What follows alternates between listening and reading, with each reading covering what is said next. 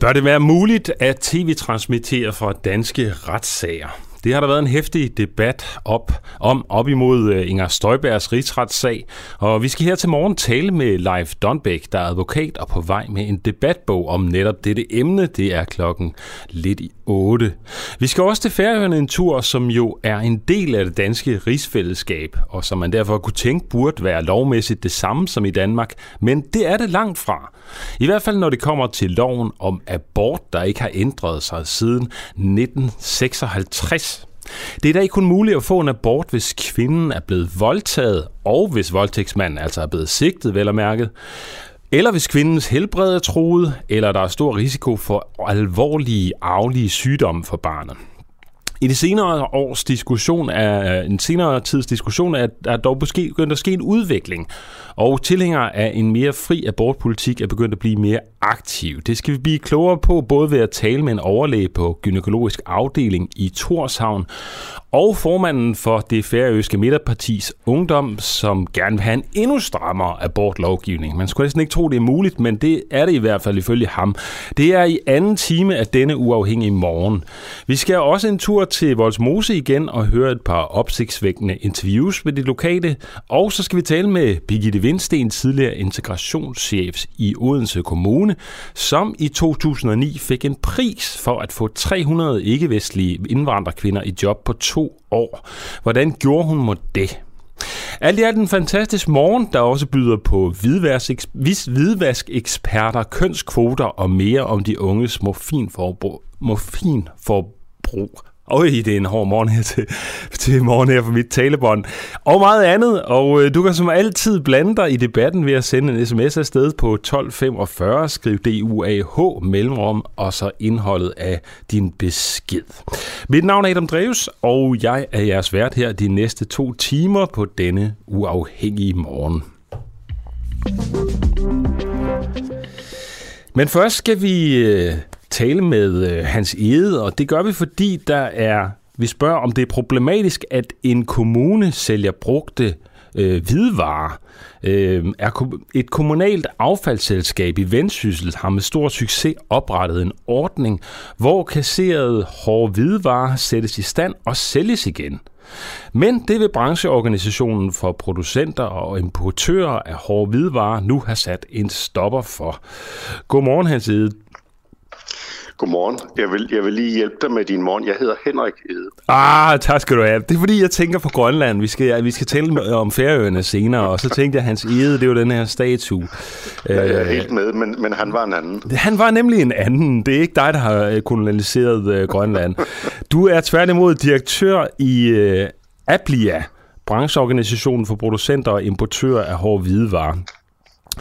Øhm, og umiddelbart så tænker man jo, at det lyder som en super god idé, øh, kommunen har fået i Vendsyssel med at øh, oprette den her ordning, hvor kasseret hårde hvidevarer kan sættes i stand og sælges igen, altså i forhold til, til klimakatastrofen og alt muligt. Men hvad er de negative konsekvenser ved, at en kommune sælger de her brugte hårde hvidevarer?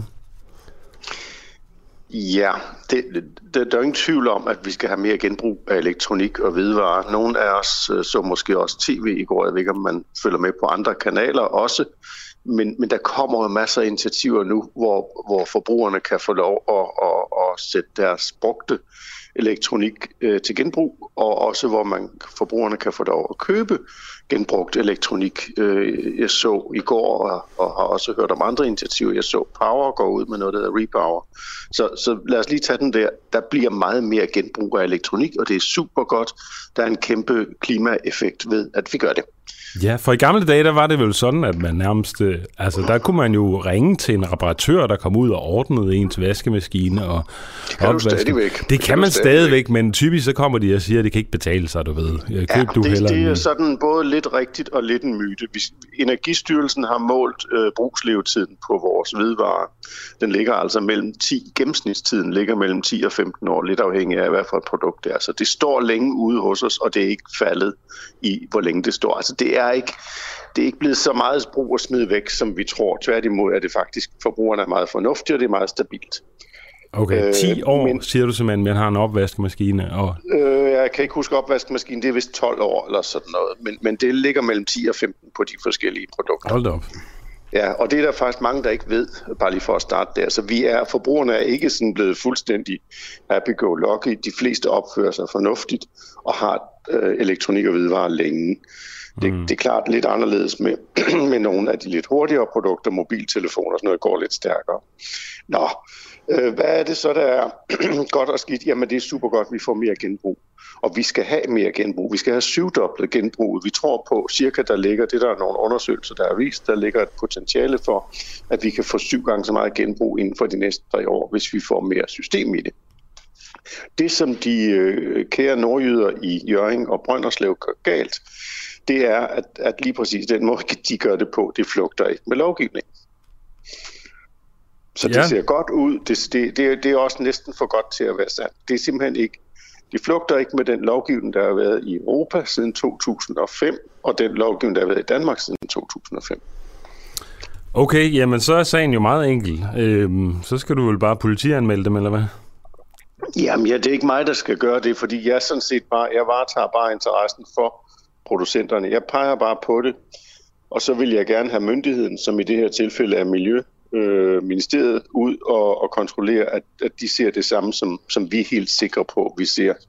Vi har, en afgør, vi har en afgørelse fra Ankestyrelsen for et par år siden, der fuldstændig øh, uden, øh, altså klokkeklart, eller hvad det hedder, krystalklart siger, at, at, at de må godt, altså de skal samle det ind, men de skal være neutrale, de må ikke øh, gå længere, end, end de skal, og de må ikke sælge til private. Øh, de, skal, de skal lade markedet, de skal finde en, en privat aktør, der kan sælge det videre. Det kan sådan set tage den 10-12 minutter og ringe til en af dem, der allerede gør det, og få det øh, gjort lovligt, det de gør. Mm-hmm. Og det er jo fordi, de ikke må være i konkurrence med det private. Er det sådan, det skal forstås? Ja, der er også noget andet. Du spurgte, hvad det kunne have negative konsekvenser. Ja. Hvis du nu øh, købte en uh, tørretumbler, du har, lad os sige, du har et, et, et hus oppe i området, du køber en tørretumbler, og den så øh, sætter ud, hvor altså den er forkert repareret, forkert istandsat, og forvolder skade på dit hus, mm. du et eller andet, ikke? Hvor går du så hen? Altså, det er jo ikke en kommunal opgave at sælge hvidevarer. Og skal du gå på borgmesterkontoret og sige, hov, øh, der røg lige en længere af den firlængede, fordi tørretumbleren var defekt, og jeg købte den af dig. Det er, jo, det er jo sådan set det, de lægger op til. Og det viser jo bare, at, at det er en model, der, altså det er fint, de er gået i gang, det er fint, de har skabt opmærksomhed, men, men, men modellen, altså den måde, de gør det på, er, er bare, øh, flugter ikke med det, den skal. Men kunne de ikke bare så lave ligesom et øh, garantibevis eller en eller anden ordning, øh, ligesom et privat foretagende? Jamen det hjælper jo ikke på, hvem det er, der har ansvaret for. Det skal jo være en privat aktør, der ved, hvad vedkommende arbejder med, og som tager risiko. Mm, men der kunne vel også være nogen, der havde forstand på det inden for kommunen? Jamen, det er jo ikke en, det er jo ikke en offentlig opgave at sælge videre. De produkter, som, som du som borger lægger over i containeren eller sætter på genbrugspladsen, det øjeblik, du har sat dem, der er det, det der hedder det, hedder det udvidede producentansvar. Der er det producenternes ansvar øh, at, at, at behandle det sådan, at vi får mest miljø for pengene. Og derfor har kommunen sådan set ikke andet at gøre end at samle det ind. Og, og det foregår i resten af landet, det foregår i resten af Europa. Og du kan jo ikke have en lovgivning i Europa og en anden i Nordjylland. Mm. Og så skal vi lige sige, du sagde også i dit oplæg, de gør det med stor succes. Det har, det har kørt i alle medierne. Altså det vi øh, kan se, det er, at de, de performer på ingen måde over alle de private aktører. De, de ligger på landsgennemsnit, men de ligger ikke over. De laver bare mere øh, øh, markedsføring af det. Nej, der står her, at de har solgt øh, omkring, øh, selv omkring 400 apparater om året. Det tænker jeg, det er ikke særlig højt i forhold til de private producenter. De kører med cirka 1% af alt det, som borgerne kan se, og det gør resten af Danmark også. De laver ikke noget specielt op. De er bare lidt dyre og lidt og, og ikke, de udmærker sig på ingen måde anden ved at blive bedre til at tage fat i medierne. Mm. Og, og, og, og det er forkert, det de gør. Altså undskyld, men det er det bare. Ja, Men altså, hvis det er så, så få apparater, der bliver solgt, så øh, er det vel ikke øh, noget, altså, så er det jo ikke konkurrence med, øh, med de private øh, hårde Det kan du da spørge de private om. Det er da den ene del af det. Ja. Du kan da bare spørge dem der i området, der rent faktisk gerne vil hjælpe dem ja. øh, og lovliggøre det. Du kan så også sige, det er jo mere principielt. Altså, vi, vi går ind i det her, fordi det bryder et, et så at sige, nu vil jeg ikke sige elgammelt, når det er fra 2005, men det bryder et fungerende, et princip, der har været fuldstændig uden, til uden diskussion fungeret i hele Europa og skabt masser af, af, af genanvendelse, især af komponenter i starten, men nu også genbrug.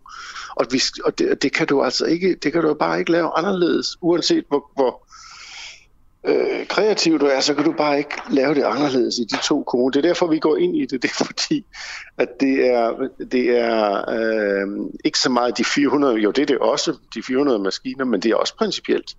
Det er men er det ikke opgave. en god idé, altså, at man kan jo, købe en, en, altså, at en brugt vaskemaskine, i stedet for at blive smidt ud, faktisk kan blive øh, lavet altså, og, øh, og kan blive genanvendt? Helt, vi går da helt vildt meget ind for det. Jeg sagde til dig, at vi vil gerne have en syvdobling, og vi arbejder nu med at etablere, eller vi, det er, er, er, er de non-profit ordninger, der kører det for industrien, arbejder med at etablere sorteringscenter, så vi får meget mere volumen i det. Jo, jo, jo.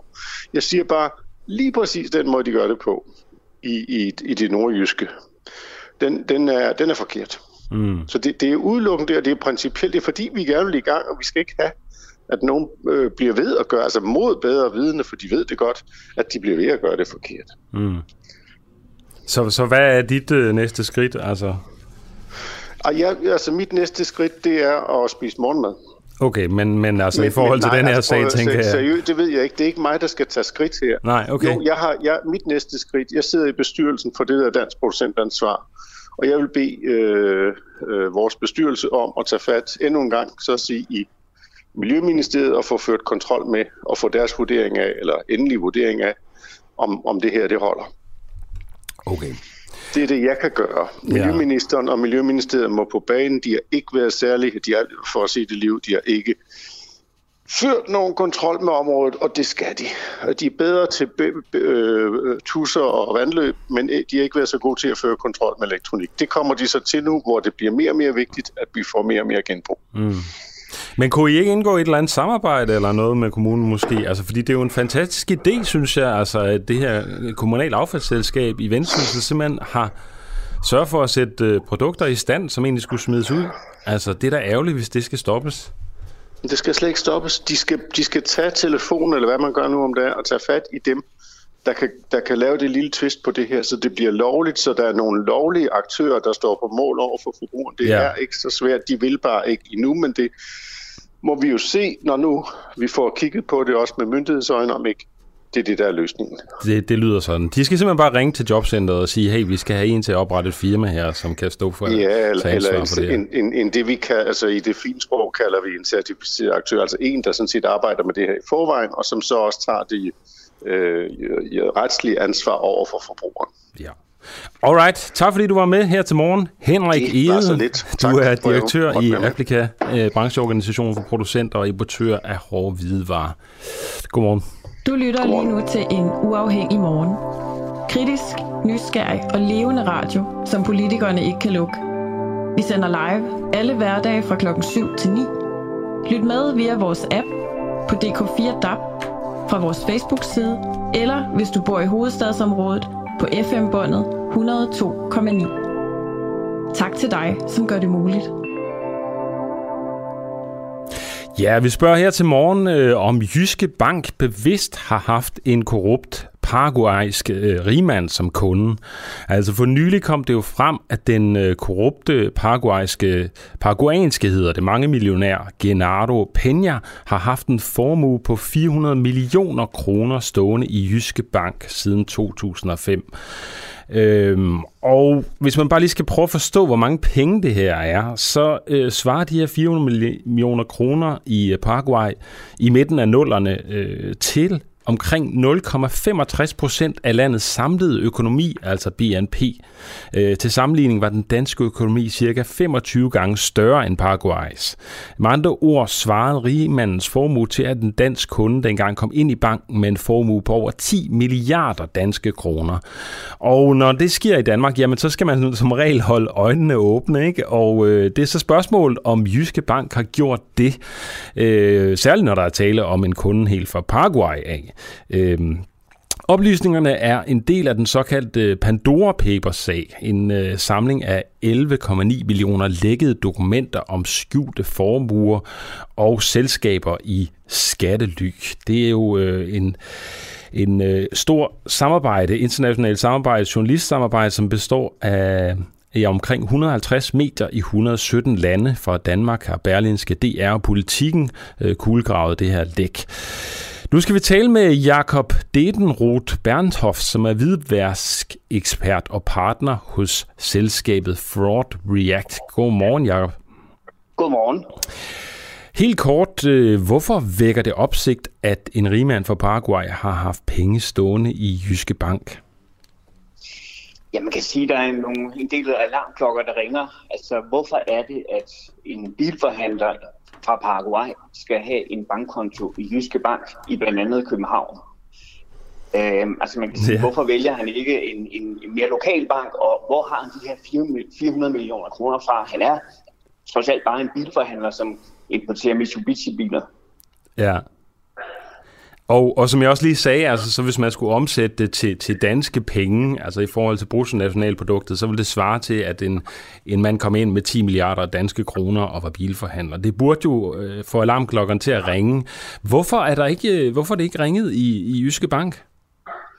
Altså, vi ved jo så ikke, hvad Jyske Bank har, har gjort, kan man sige. Altså, deres, det er helt klart, at de har en forpligtelse til at spørge ind til, hvor den her formue kommer fra. Altså, det er jo usædvanligt mange penge, som som du også er inde på. Det er, også, det er klart, at han har været en meget rig mand, også i Paraguay. Og så skal man spørge ind til det, hvor, hvor kommer de penge fra? Og, og den forklaring skal man så i Jyske Bank så overveje, lyder det her fornuftigt, skal vi lave nogle flere undersøgelser? Øh, øh, eller kan vi sige, at det, det, den forklaring er fin, vi, vi tager kunden ind. Men vi ved jo faktisk ikke rigtig, hvor de her penge kommer fra, og jeg er svært ved at se, at man kan komme med en, en fornuftig forklaring, hvis man er Mitsubishi-forhandler i Paraguay og har det her kæmpe store beløb. Mm. Og hvorfor tror du ikke, de har ringet alarmklokkerne hos Jyske Bank? Jamen, det er det, vi ikke rigtig ved. Øh, for som sagt, de, de, de, de, de skal helt sikkert spørge ind til øh, ham her bilforhandleren, hvor har de de her penge fra. Og, øh, og det ved jo slet ikke, hvad de har gjort, ved ikke, hvad svaret er. Men, men ja, jeg mener jo, at det må være meget svært at komme med den her fornuftige forklaring, hvor Jyske Bank siger, Nå, okay, jamen pengene kommer derfra, jamen så er de jo øh, så har du fået den på lovlig vis, og vi tør godt lave en bankforretning øh, med dig. Mm. Og hvordan, hvordan så med hans forretningsstruktur og sådan noget? Ved vi noget om det? Øh, altså forretningsstruktur, altså det, det måde... Hans selskabsstruktur, ja. altså tænker jeg. Altså, det er meget ugennemskueligt. Altså, han har en fond, og så har han, den her fond, har han nogle forskellige selskaber, som er i skattely, som man ikke rigtig ved, hvad er der sker med. Øhm, og så hele taget, at Altså, det foregår i Europa. Øhm, hvorfor, som jeg sagde før, hvorfor er det ikke et land lidt tættere på? Øh, man kan sige, det, det, det ser ud som om formålet med det her, det er at gøre det svært at gennemskue, hvad er det, der sker med de her mange penge. Mm. Ja. Altså, tror du, at, at Jyske Bank har kendt til de her problematiske forhold omkring hans formue? Øh, ja, altså man kan sige, de, de skal spørge ind til det, men, men i hele taget så er han også lidt en farverig mand. Øh, altså, hvis vi kigger tilbage, så har han været involveret for muligvis i drab på en forretningsmand, og også øh, en, en, et meget groft overfald på hans tidligere kone. Og, og der er også noget med en skattesag, hvor han bliver øh, dømt til en bøde på, på 20 millioner kroner. Så han er i hvert fald en, som man kan sige, alene det, alene hans person er lidt kontroversiel. Mm. Men det kan jo være, at de ikke, altså, at det er jo sådan nogle mere personlige ting, som man måske ikke får så meget indsigt i som, som bank. Øh, øh, som bank. Men altså, man kan jo i hvert fald bare kigge på kontoen øh, og beløbene og se, at det, det virker mærkeligt. Ja. Altså, ja.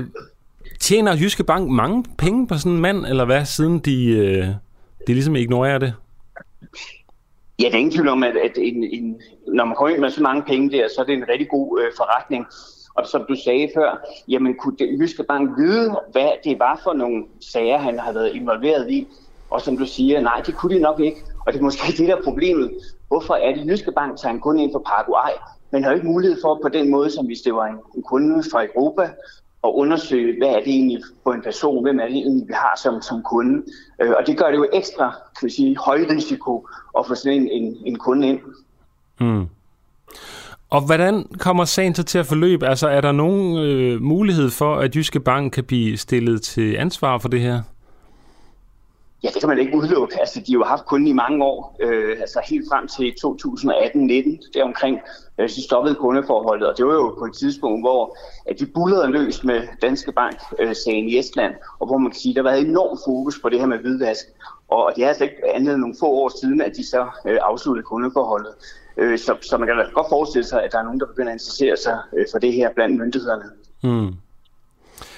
Okay, øh, ja, altså fordi det var jo, øh, ja, det er jo ikke mange år siden, at øh, Danske Bank ligesom lod øh, 1.500 milliarder danske kroner hvidvaske gennem en estisk filial. Er det ikke rigtigt? Ja, lige præcis. Så, så man kan sige, hvis vi sådan spoler tiden tilbage i 80'erne, var der vist ikke så meget opmærksomhed på det område i, i bankerne, men det var heller ikke, fordi vi hørte om, om de her kæmpe sager. Men så efterhånden, som tiden er gået, jamen så er man blevet mere opmærksom på det. Nu, nu er det jo berlingske fortjeneste, at, at den her sag i Danske Bank overhovedet kom frem, for ellers havde vi ikke øh, hørt noget om den. Men der er ingen tvivl om, at, at, at man nu, og særligt lige nu her, nu ser det, er virkelig opmærksom på som bank, kan vi ut, ut, hvad hedder det, utilsigtet blive involveret i et eller andet, øh, som kan være kriminelt, øh, og som vores, øh, vores, vores kunder er, er rodet ind i. Mm. Hvorfor er det ifølge dig, altså du er jo ekspert, altså hvorfor er det, der bliver ved med at komme de her sager? Altså er det fordi, man er blevet bedre til at opdage dem, eller er der simpelthen en stigende øh, økonomisk kriminalitet? Jamen altså, der er lavet nogle undersøgelser, øh, som viser, at der er stigende økonomisk kriminalitet, Øh, og, og så kan man sige, at alt den lige, så kommer der jo, altså er der jo flere øh, engagementer i bankerne, fordi øh, de kriminelle har brug for at kunne sende penge rundt og derfor har de brug for nogle banker øh, øh til at, at, at gøre det. Øh, så, så en stigning i, i økonomisk kriminalitet, øh, det tror jeg også er, er simpelthen bare det forhold, at man, man er blevet meget mere på vågen, eller meget mere opmærksom på det her, fordi man kan jo se, det er ikke bare Danske Bank, det er også nogle andre store banker, Swedbank og Deutsche Bank, som har været involveret, eller de viser sig, at de har været involveret i, i nogle store skandaler. Ja, og er der noget at stille op imod de her øh, banker her, fordi det virker jo som om, at de er ret ligeglade i det hele taget. Altså, at de ligesom, det bliver ved med at komme igen, og de får den ligesom vasket sig ren hver eneste gang. Er der noget at gøre? Ja, altså det, jeg, jeg kan sige, det, det, det slutter i 2018-19 der omkring, og nu er vi så et stykke ind i, i 21, og jeg er sikker på, at efter alt det, som er sket i banksektoren, efter alle de her frygtelige historier her, så er jeg sikker på, at bankerne i dag er ekstremt opmærksom på det her. Og jeg tror ikke, at sådan en kunde her, som, som ham, bilforhandleren, bare lige kunne, kunne få en, en bankforbindelse øh, i et fjerde land oppe i Europa, hvor han i øvrigt ikke har nogen tilknytning, hverken til Danmark eller Europa. Han har ikke nogen forretning heroppe. Det, det, det, virker, det virker lidt mærkeligt, at han skal rejse med halve toget rundt øh, for at finde en bank. Ja, Okay, hvis vi lige vender tilbage ganske kort til Jyske Bank, altså har Jyske Bank bevidst ignoreret det? Hvad, hvad er din øh, vurdering? Igen, vi kan ikke vide, hvad Jyske Bank har foretaget sig undersøgelser, og, og det kan godt være, at, at der er noget i det her, som, hvor de siger, at der kan alligevel være nogen fornuftig forklaring, men jeg har meget, meget svært ved at se, hvad i verden øh, det skulle være. Så, så jeg vil nok, øh, jeg har panderynker, når jeg hører om det her, hmm. og hører om, at, øh, at Jyske Bank øh, har fået sådan en kunde ind her. Ja. Okay, det bliver spændende at se, om øh, Jyske Bank bliver stillet til regnskab for det her.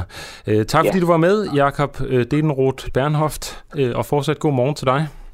Ja, i lige måde. Tak. Og du er ekspert og partner hos selskabet Fraud React. Ja, og jeg skal også lige sige, at vi har prøvet på at få Jyske Bank i tale, men de har afvist at stille op til interview her hos den uafhængige denne morgen. Nu skal vi til øh, Voldsmose, og øh, det gør vi, fordi vi denne her uge sætter fokus på Voldsmose. Du skal nu høre to klip med to kvinder, som vores rapporter Clara Vind og Elisabeth Yskes har mødt i Voldsmose. Begge kvinder har boet i bydelen i over 13 år, men de hverken arbejder eller taler dansk. Må vi øh, spørge dig om noget? Jeg er ikke dansk. Okay. Bor du i Voldsmose? Ja, ja. Okay. Snakker du dansk? Nej, Hvor mange år har du boet her? um, 2007 jeg kommer her. Du kom i 2007? Okay. Men du snakker ikke dansk? øh, Okay. Arbejder du? Nej, nej. Okay. Er du på ydelser? Hvad? Er du på kontanthjælp? Ja, Nå, undskyld. Må vi øh, spørge dig om noget? jeg er ikke vidste dansk, undskyld. Okay. Bor du i Voldsmose? Ja, ja. Okay. Snakker du dansk? Nej, Okay. Hvor mange år har du boet her? um, 2007 jeg kommer her. Du kom i 2007? Okay. Men du snakker ikke dansk? øh, Okay. Arbejder du? Nej, nej. Okay. Er du på ydelser? Hvad? Er du på kontanthjælp? Ja, ja. Nå, undskyld.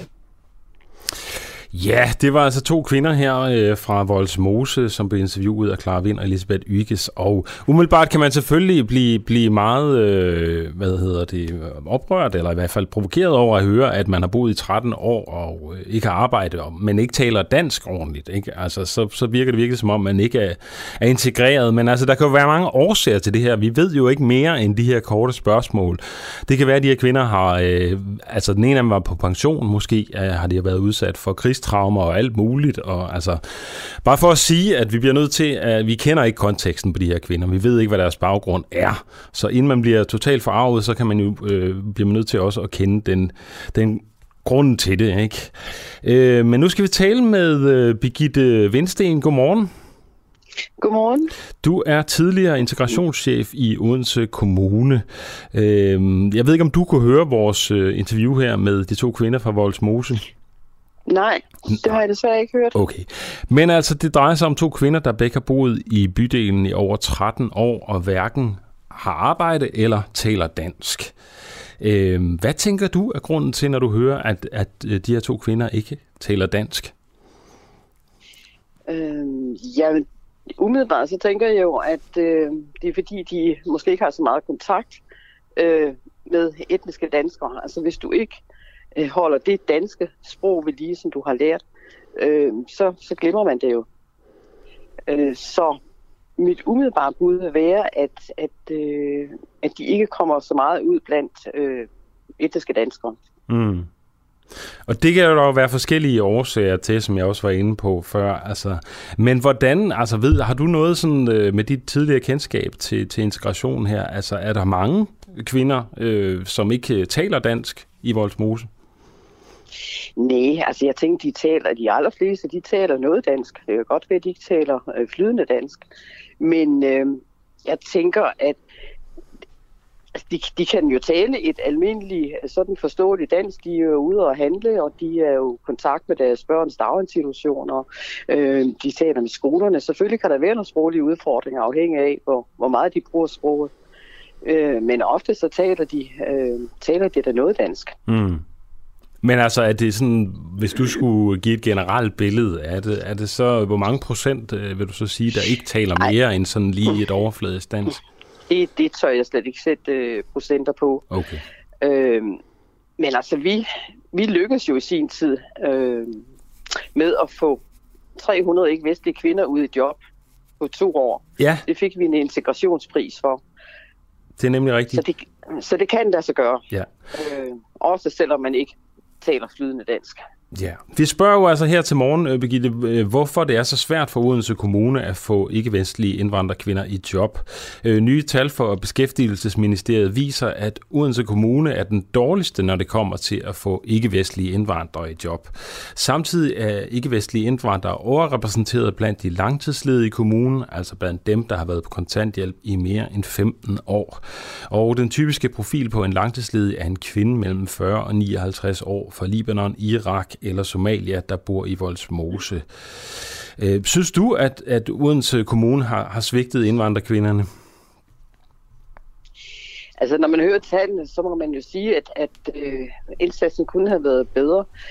Øh, men det overrasker mig måske ikke, når du taler om den aldersgruppe, fordi de her kvinder har jo kom jo til, øh, når du siger libaneser, så kom de jo typisk tilbage i hvad, slut 80'erne, mm. midten af 80'erne.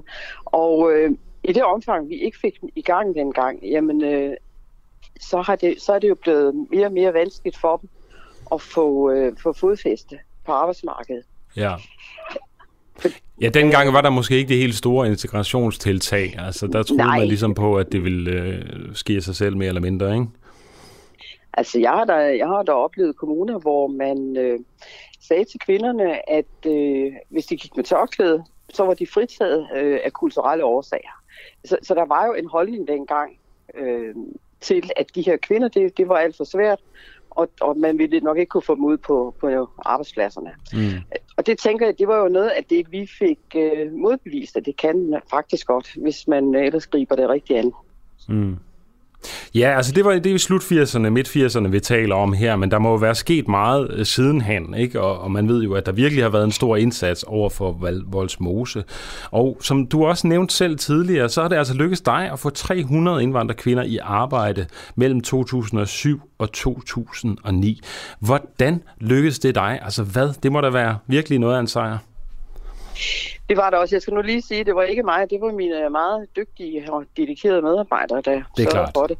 Ja, øh, men, men det vi øh, på det tidspunkt, øh, der blev der på finansloven afsat, øh, jeg kan ikke huske mange millioner, men en, en del penge, øh, som blev fordelt mellem de store kommuner, som havde mange ikke-vestlige kontanthjælpsmodtagere. Og øh, jeg blev så sat i spidsen for at, at bygge en indsats op i, i ja, vi valgte at blive i Voldsmose, også rent fysisk. Øh, jeg gjorde simpelthen det, at jeg ansatte øh, halvdelen af mine medarbejdere havde etnisk dansk baggrund og havde stor erfaring med at komme ud på virksomheder, og den anden halvdel af medarbejderne havde ikke vestlig baggrund, øh, sådan at de havde en sprog- og kulturforståelse eller kendskab. Og så blev de ellers sat sammen, og det vil sige, at jeg havde medarbejdere på åbne døre, og jeg havde medarbejdere, som kunne tale og forstå øh, de her. Og det var jo også ikke kvinder specifikt, det var ikke-vestlige kontanthjælpsmodtagere. Men det endte så med, at det var kvinderne, som faktisk var mest interesserede og motiverede for at komme i arbejde. Okay. Så altså på den ene side har du nogen, der sidder i virksomhederne, og at du Øh. siger, der simpelthen har givet på det. Ja, det Okay. tænker jeg, fordi øh, vi, kunne, vi kunne møde de her mennesker med en forståelse øh, af, øh, hvad, hvad det er for nogle øh, udfordringer, de står overfor, eller som også simpelthen var bedre til at se øh, de her menneskers ressourcer. Mm. Øh, og de, hvis der var store sproglige udfordringer, så havde de mulighed for at kommunikere med dem på et sprog, som de forstod.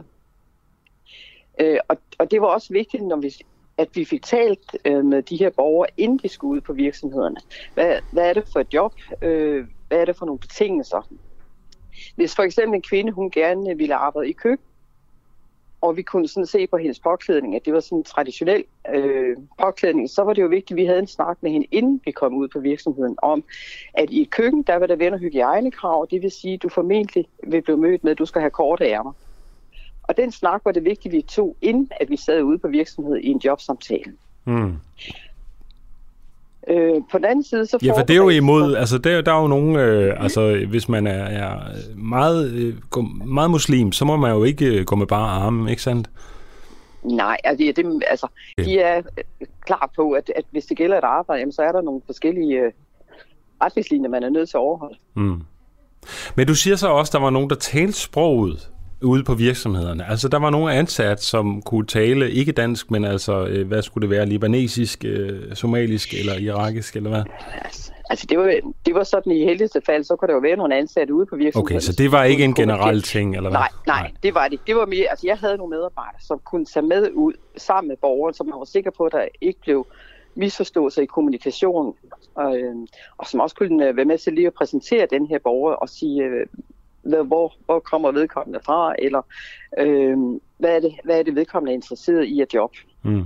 Og blev de så fastansat efterfølgende? Øh, Ja, det havde vi, øh, det havde vi øh, mange. Det var ikke alle, der var, det var fuldtids, men vi havde jo mange, der blev øh, ansat. Og de 300, vi fik ud, det var jo i ordinært job.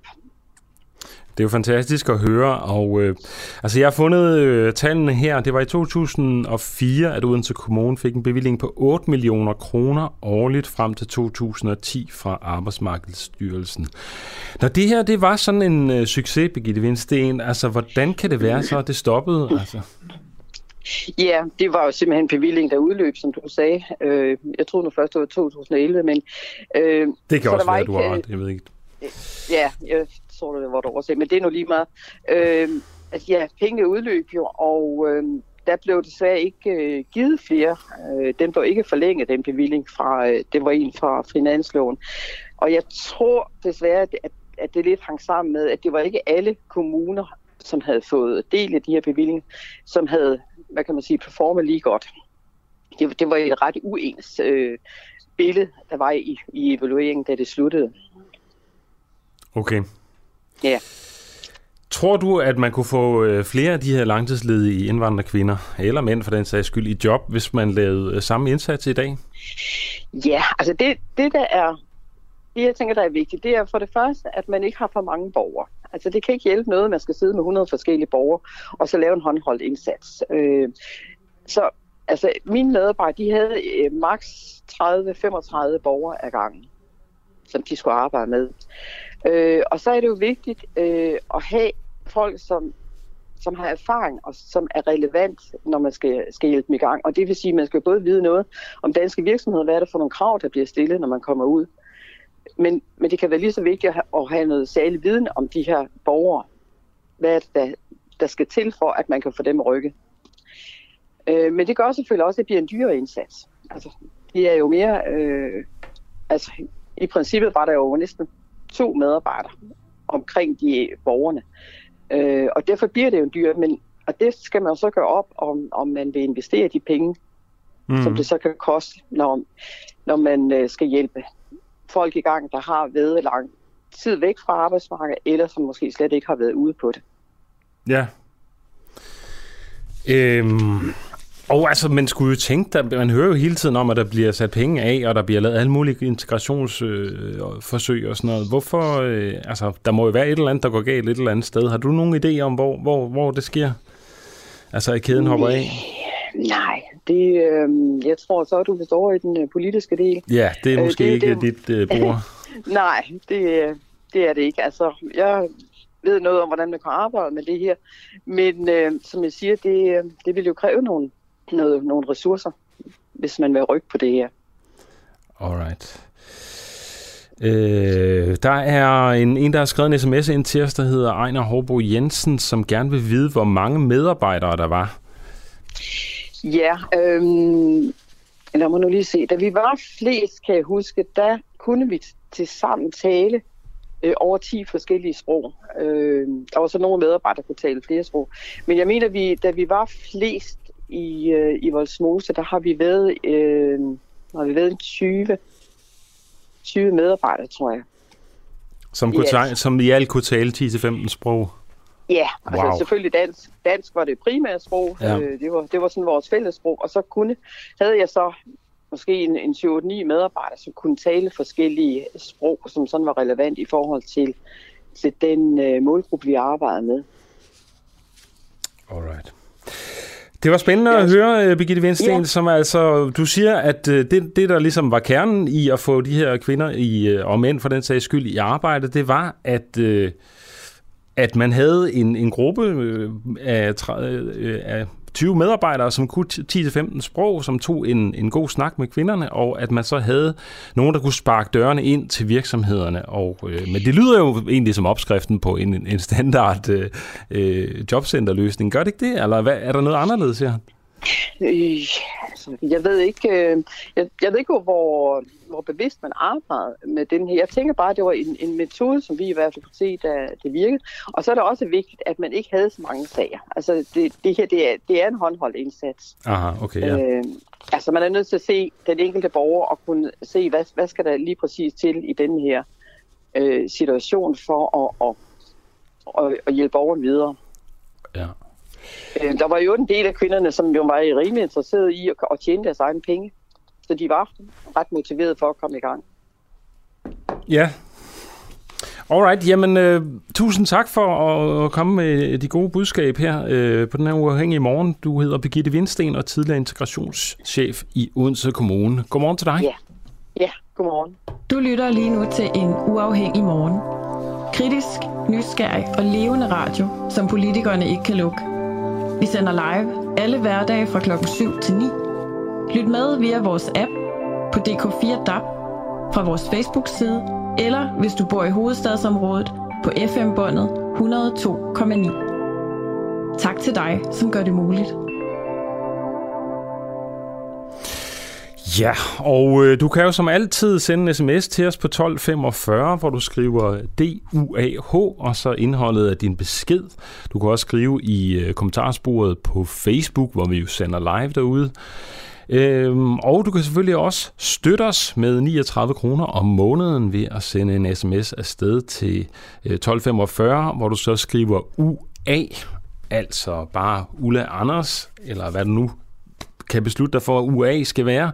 Altså bare de to bogstaver. Og så får du et link til øh, en, øh, som du kan trykke på, og på den måde meget nemt og hurtigt blive medlem her hos Den Afhængige. Vi er jo en radio, der kun øh, er finansieret af vores medlemmer, som synes, at vi gør det godt.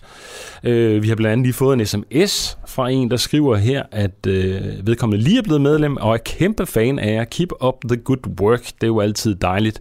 Ja, der er ikke noget navn på her, så, øh, men der er i hvert fald en derude, en anonym lytter, som synes, at vi gør det rigtig godt. Hvis du også synes det, så send en sms afsted til 1245 og skriv af, så får du et link tilbage. Vi har også fået en øh, anden besked her, hvor der står øh, angående Jyske Bank-sagen. Selvfølgelig har Jyske Bank haft kendskab til det, men, det får, øh, men får det konsekvenser og bliver nogen stillet til ansvar? Næppe, skriver Karsten. En anden, der har skrevet ind, øh, er Morten Olsen fra Aarhus. Han har skrevet i forbindelse med vores sag om øh, hård øh, Overvej, hvor meget mere strøm en gammel vaskemaskine bruger i forhold til en ny moderne. Tænk, hvis alle biler, alle kørte biler, der svinede så meget, som de gjorde i 80'erne endnu. Øh, der er flere variabler, man skal tage med. Og der mener han selvfølgelig, at øh, det ikke bare nok at ligesom øh, reparere gamle vaskemaskiner, man skal også overveje, hvad strømforbruget er i de her gamle vaskemaskiner. Og det kan han selvfølgelig have en, en pointe i. Hvis vi kigger ud over øh, nyhedsfladen, så kan vi i hvert fald sige, at øh, der er sket det, at den populære spilgigant har fyret 20 medarbejdere efter anklager om øh, overgreb og seksuel, seksuel chikane. Det er den verdenskendte spilvirksomhed Activision Blizzard, der længe har været i vælten, efter medarbejdere har talt ud om grænseoverskridende forhold på arbejdspladsen. Og øh, Activision Blizzard står bag store titler som World of Warcraft og Diablo Call of Duty, altså det er jo det her kæmpe foretagende øh, Blizzard. Øh, de har nu øh, fået en masse klager om øh, seksuel chikane, og så er det simpelthen bare 24 ansatte. Det er jo også en måde at ligesom omgå øh, det her på. Øh, de har planer om at udvide deres HR-afdeling, hvilket ifølge virksomheden skal være med til at sikre en mere ansvarlig arbejdsplads, det skriver Financial Times. I juli sagsøgte den amerikanske stat Kalifornien øh, Activ- Activision Blizzard for at have en kultur med konstant seksuel chikane og kønsbaseret forskelsbehandling. I september nedlagde en række medarbejdere arbejdet og opfordrede folk til at boykotte firmaets spiltitler. Det er altså Activision Blizzard, der står bag titler som World of Warcraft, Diablo, Call of Duty, som altså bare har valgt at 24 medarbejdere for ligesom at, at rydde bordet på den måde. Sådan kan man jo også gøre det. Vi har jo haft en sag øh, kørende her på Den Uafhængige, en af vores egne historier om det her stigende forbrug af morfin blandt unge. Øh, det er jo en en historie, som øh, en af vores lyttere har skrevet i vores redaktionslokale. Vi har jo det her øh, redaktionslokale, som er en lukket Facebook-gruppe. Når man bliver medlem af den uafhængige, jamen, så får man også adgang til det, hvor man kan komme med tips om historier. Og det har Morten Ågaard gjort, som er leder af Rusmiddelcenter Aarhus. Og han fortalte i går, at øh, der i de seneste år er sket en øh, eksplosion af unge, der er afhængige af morfinpiller. Vi skal nu tale med Christian øh, Harlev, der er politikommissær i Østjyllands politi. Godmorgen, Christian. Ja, godmorgen. Vi bragte jo den her historie i går. Kan du genkende, at der er et stigende misbrug af morfin blandt unge? Ja, det kan jeg sagtens. Øh, vi ser det øh, en voldsom stigning af det, og det har vi set igennem to-tre år, øh, hvor vi møder det sådan for alvor første gang, men der er en voldsom stigning i det. Okay, og, og hvor stor er den stigning? Altså, er det, det er sådan et helt nyt fænomen, det her simpelthen, eller hvad? Nej, det er ikke nyt. Undskyld. Uh, vi har set det for en, uh, vi, det starter vel for en to-tre år siden, hvor vi begynder at søge mere og mere på det. Og uh, vi har, vi, for eksempel når vi visiterer eller vi rensager, vi finder det uh, næsten altid. Så det er, det er meget almindeligt brugt, okay. desværre. Og hvor er det, I finder de her piller? Men det gør vi jo øh, blandt unge, øh, mest blandt unge. Og øh, ja, som vi siger i, øh, øh, hos os, de spiser det som bolcher. Altså, de, de ser ikke noget forkert i det. Okay. Men øh, jeg, jeg har jo haft en øh, dialog med Morten Aargaard også øh, nede fra misbrugscenteret, og de begynder at se dem øh, komme og henvende sig, at de har et misbrug. Og det er, det er meget alvorligt. Mm. Altså, så vidt jeg har forstået, så er det, sådan noget, så er det simpelthen øh, altså, morfin, som bliver brugt i medicinsk sammenhæng normalt, altså piller, smertestillende piller simpelthen, som er kommet i handel på det sorte marked. Er det korrekt forstået? Ja, det er, det er helt korrekt. Vi ser sjældent recepter på det her, man, og du har ret i, at det er, et, øh, det er jo et, en medicin, som en læge kan udskrive. Men øh, det her, det er så købt på det illegale marked, typisk. Okay. Og hvor kommer det så fra? Altså, er det øh, pensionister, der er blevet røvet, eller hvordan, hvor, hvordan øh, for, foregår, foregår det? Nej, det er ligesom øh, meget andet. Det bliver købt på, på nettet, på det, på det sorte marked også. Okay. Nogen køber stort ind, og så sælger de det videre. Og det kan man simpelthen købe på det dark web, eller hvad? Ja, det kan man, Okay. ligesom alt andet. Kan du give et eksempel på en ung, der er rådet ind i et misbrug, som øh, har gjort indtryk på dig? Ja, det øh, har jeg set flere eksempler på, øh, og vi henviser dem så til, øh, til misbrugscenteret, når at de siger, at de kan ikke undvære det. Så det har vi flere eksempler på. Ja.